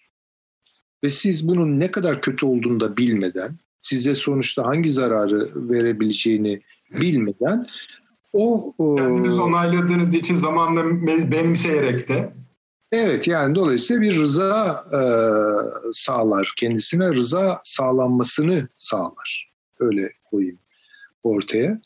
E, Amerika'da bu iş çok iyi yaptı. Yani Amerikan değerleri, Amerikan modus vivendisi, yaşama Doğru. tarzı, Amerikan duyuşları, hissedişleri bütün dünya bunu ihraç etti. Ve bütün dünya biraz kendi çapında Amerikalılaştı. Yani şimdi ben mesela Türkiye'de baktığım zaman çok farklı siyasi meşrepten olan insanların bile ortak paydasını yakalamakta zorluk çekmiyorum şöyle veya böyle doğrudan veya dolaylı bir Amerikalı olmaya dair özlem var. Bunu kıyafetlerinden çıkarabiliyorsunuz, yeme içme kültüründeki davranışlarından çıkarabiliyorsunuz. Bunları sorun etmiyor. Hatta bayıla bayıla e, bu dünyanın kültürel farzlarını, vecibelerini yerine getiriyor insanlar. Yani kimse bununla hesaplaşmıyor. Türk düşünce tarihinin Türk siyasi düşünce tarihinin özellikle yeniden yazılması lazım. Ha biz bunda zaten geç kaldık. Nereden göğe haklısınız. Yani. yani zaten geç kaldık. Şöyle monografik çalışmalar olarak başladı. Sonra belli bir ansiklopedik çizgiye getirildi vesaire. Bunlar da çok önemli şeyler tabii ki. Onları reddetmiyorum. Ama çok Hocam farklı. edebiyatı yok bu işin. Ee, Terk ettik yani o 1960 öncesinin yazarlarını, çizerlerini hatta 70 öncesinin tabii tabii. terk ettik yani bunları. Orhun abinin kastettiği belki şu olabilir. Ee, yani orada bir şey bağımsızlıkçı kültür de vardı. Bir eleştiri vardı. Yani bazı romanlarda buna rastlıyorsunuz. Evet vardı ama bence çok e, güçlü değildi. Onu da tamam. söylemek zorundayım. Yani biraz. Ha, tabii o doğru. O doğru. Tabii doğru. Yani belli kavrayışları oturarak falan yürümedi bu iş. Ee, bu Türk siyasi düşünce tarihi yani kendi düşünsel sermayemizi anlama, birikimimizi anlamak itibariyle şiddetle yeniden yazılmaya ihtiyaç gösteriyor. Çünkü çok basit bir takım ayrım, ayrımları veri alarak yazılıyor bu işler. Mesela sağcılığın tarihi veya solculuğun tarihi. İşte e, dinsel siyasetlerin tarihi, laik siyasetlerin tarihi filan gibi. Yani böyle böyle bakarsak evet bir ansiklopedik külliyat vücuda getirebiliriz ki e, bunun olgun örnekleri de var e, piyasada ama anlamış olmayız onu. Önce bir kere anlamak durumundayız. Bu kendimi de dışın işin içine e, şey dışına sok, e, koyarak söylediğim bir şey değil. Hepimizde var. Yani hepimiz şu ya da bu derecede Amerikalı olduk. Evet, do, yer, yerden göğe haklısınız. Yani, Amerika, yani bir antikor hani madem salgın üzerinden yürüyoruz bir antikor üretmemiz lazım. Üretmemiz lazım. Tabii evet. burada da yani bunu vücut böyle e, bir tür narsisizm geliştirmenin falan alemi yok. Anlamak durumundayız. Süreklilikleri yakalamak durumundayız. Paydaşlıkları, ortaklıkları yakalamak durumundayız. Benzerlikleri çözmek durumundayız. O takdirde zaten şu an sahibi olduğumuz davalar da elimizde kalır. Yani birçoğu elimizde kalır ben buna eminim. Ee, ve yeniden bakmak, mesela geçmişimize yeniden bakmak, e, bugünümüze yeniden bakmak, geleceğimize yeniden bakmak ve bunları ayrı ayrı fasıllar halinde değil, birlikte bütüncül bir şekilde yapmayı becermek lazım. Bakın Türkiye'de 1960'lara kadar, 70'lere kadar bir Avrupa özentisi bir tür Avrupalı olmak üzerinden batılılaşmayı e, yönetiyorduk kendimize göre. Kaynaklarımız işte Almanya'ydı, Fransa'ydı vesaire. Fakat 1970'lerden sonra hızla, hızla değil önce çok hızlı başlamadı belki ama aşama aşama 80'lerden sonra çok hızlı bir şekilde hepsini çöpe attık. O birikimin hepsini çöpe attık. Şimdi diyeceksiniz ki... Avrupa kastınız yerine Amerika'yı koyduk anlamında. Evet elbette elbette elbette. Biraz Mesela, geç söylemediniz mi hocam? Bağışlayın beni. Efendim? Biraz tarihi geç söylemediniz mi? Bence 80'lerden sonradır. Yani 70'li yıllarda ben üniversite okurken... Yani 50-60 dönemi var çok dramatik. Ama üniversitede o şekilde değildi. Yani hala hocalar. Mesela diyelim ki sağcı bir hoca, sağcı olduğunu bildiğimiz bir hoca adam gibi bize Durkheim okutmaya kalkardı. Yani veya solcu bildiğimiz bir hoca işte bize adam gibi Marx okuyun der filan. Yani bunlar Avrupa kaynakları. Ve bunlar hakikaten büyük anlatılar. Kendi içinde belli derinliği olan anlatılar. İşte Weber üzerinden mesela diyelim ki iktisat tarihini anlatan bir Sabri Ülgener vardı efendim. Yani bu hakikaten bir, bir ne, ne bileyim böyle egale edilmesi zor bir e, birikimi e, ve ürünleriyle karşımızdaydı. E, dolayısıyla hani ağır işlerdi bunlar, zihni yoran işlerdi vesaire. Bunu önce şurada ucuzlattık. Bir çok kolay siyasete tahvil ettik, ideolojilere tahvil ettik. Bu yanlıştı. Yani mesela sağcıların Türkiye'de Weber'i benimsemesi veya Durkheim'ı benimsemesi, Durkheim'ın veya Weber'in sağcı olduğunu göstermiyordu. Ama onları bir anlamda Türk sağının pratik e, faydasına yontma eğilimi veya o ideoloji üzerinden bu kaynaklara bakma eğilimi vardı. Aynı şey Marx için söz konusudur. Yani Marx'ı da Türkiye'de okurken insanlar o kadar farklı yorumların, o kadar farklı önyargıların konusu haline getirdiler ki Marx sonuçta anlaşılmaz bir şey olarak kaldı. Yani buradan bir kere bir darbe yedik. Ama 80'lerden sonra bu ödevlerimizi tamamen lağv yani. Çok daha basit modellerle düşünmeye başladık. Bu da Amerikan sosyal biliminin Türkiye'ye nüfuzuyla ilgili bir şeydi. Yani öyle bir sosyoloji okutmaya başladılar ki, öyle bir international relations okutmaya başladılar ki yani böyle Lego oyunu mu oynuyoruz, bilim mi yapıyoruz bunun ayırdına bile varmak e, zorlaştı. Bu bugün çok ileri bir evrede. Yani bu basitleşme, bu yüzeyselleşme üniversitelerde. Tabii başka şeyler girdi. İşte bu işletme disiplininin her şeye sirayet ettiği, mühendisliği bile o derinliğinden çözdüğü, ve sosyal bilimleri e, kendisine tabi kıldığı çok saçma sapan işlerin içine girdik. Ekonomi dersleri cılızlaştı. Mesela e, çok ilgimi çekiyor bu International Relations, uluslararası ilişkiler e, bölümlerinin müfredatı son derece sığ, son derece birikimsiz. Doğru düzgün politoloji bilmeden, doğru düzgün, düzgün sosyoloji bilmeden, tarih bilmeden ezbere söylenmiş modeller. Ve bunlarla biz analiz yapmaya kalkıyoruz. Bunlarla biz dünyayı anlamaya çalışıyoruz. Bu olmaz. Yani yeniden kendi entelektüel derinliğimizi nerelerde kurabileceksek, bu tabii tercüme akıllı olmaz. İlham alınabilir ama o ilham düzeyinde kalır. Tercüme başka bir şey. Kopyalama başka bir şey. Bunlardan zihnimizi biraz arındırmamız gerekiyor. Dilimizi, bakınız yani Türk Türkiye'de dil meselesi muazzam siyasal didişmelerin konusu oldu. İşte öz Türkçecilik, Osmanlıcılık vesaire, Osmanlıcılık vesaire hikayesi. Ee, ama ne oldu sonuçta? Herkesin dili biraz İngilizce oldu. Yani şimdi ne anladık biz bu kavgadan? Yani sizi sıfır toplamlı bir sonuca mahkum eden bir tablo. Yani terimlerimizi kuramıyoruz. E, o terimler yoksa, o kavramlar yoksa neyle düşüneceğiz yani? Olanı da kaybettik bu arada. Yani böyle sıkıntılarımız var. Temel bilim disiplininden koptuk. Yani fen edebiyatlar feci halde. Yani temel bilimlerde fiziktir, kimyadır, biyolojidir, e, sosyal bilimlerde antropolojidir, sosyolojidir, ekonomidir, hukuktur vesaire. Buralara dair entelektüel yatırımlarımız sığlaştı. Yani şimdi bunlardan arınmak durumundayız. Yeniden bence temel disiplinlere dönmek durumundayız.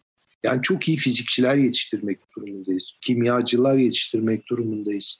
Çok başarılı sosyologlar ama bugünkü gibi değil tabii ki. Yani bunları.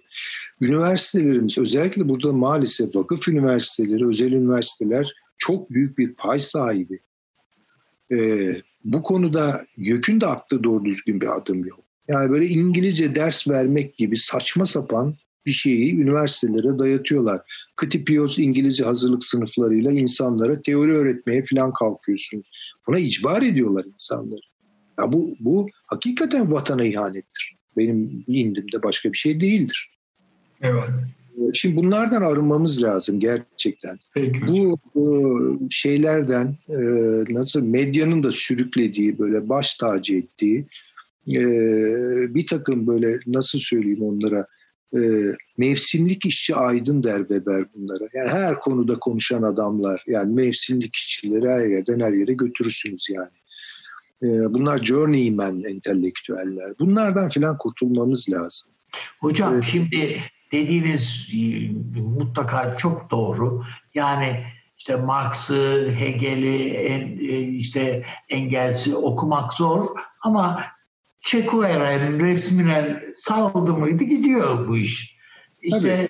Yusuf Akçura'yı okumak, işte ne bileyim Sabri Ülgener'i, o zihniyet dünyamız, zihniyet araştırmalarını okumak bunlar zor. Ama başka bir şeye dayandığınız anda kolay gidiyorsunuz yani. Peki. Evet, doğru. Peki, peki. Taşans Hocam siz de bağlayalım arzu ederseniz. İsterseniz bu o kadar o kadar güzel bir sohbet için ben e, bu konuda... Söylesem olmaz mı diyorsunuz yani? Rahatça konuşmaya kalksam... e, Yok, rahatça zaten konuşamazsınız. Tam söyleyeyim ben size. Üç buçuk dakikanız var.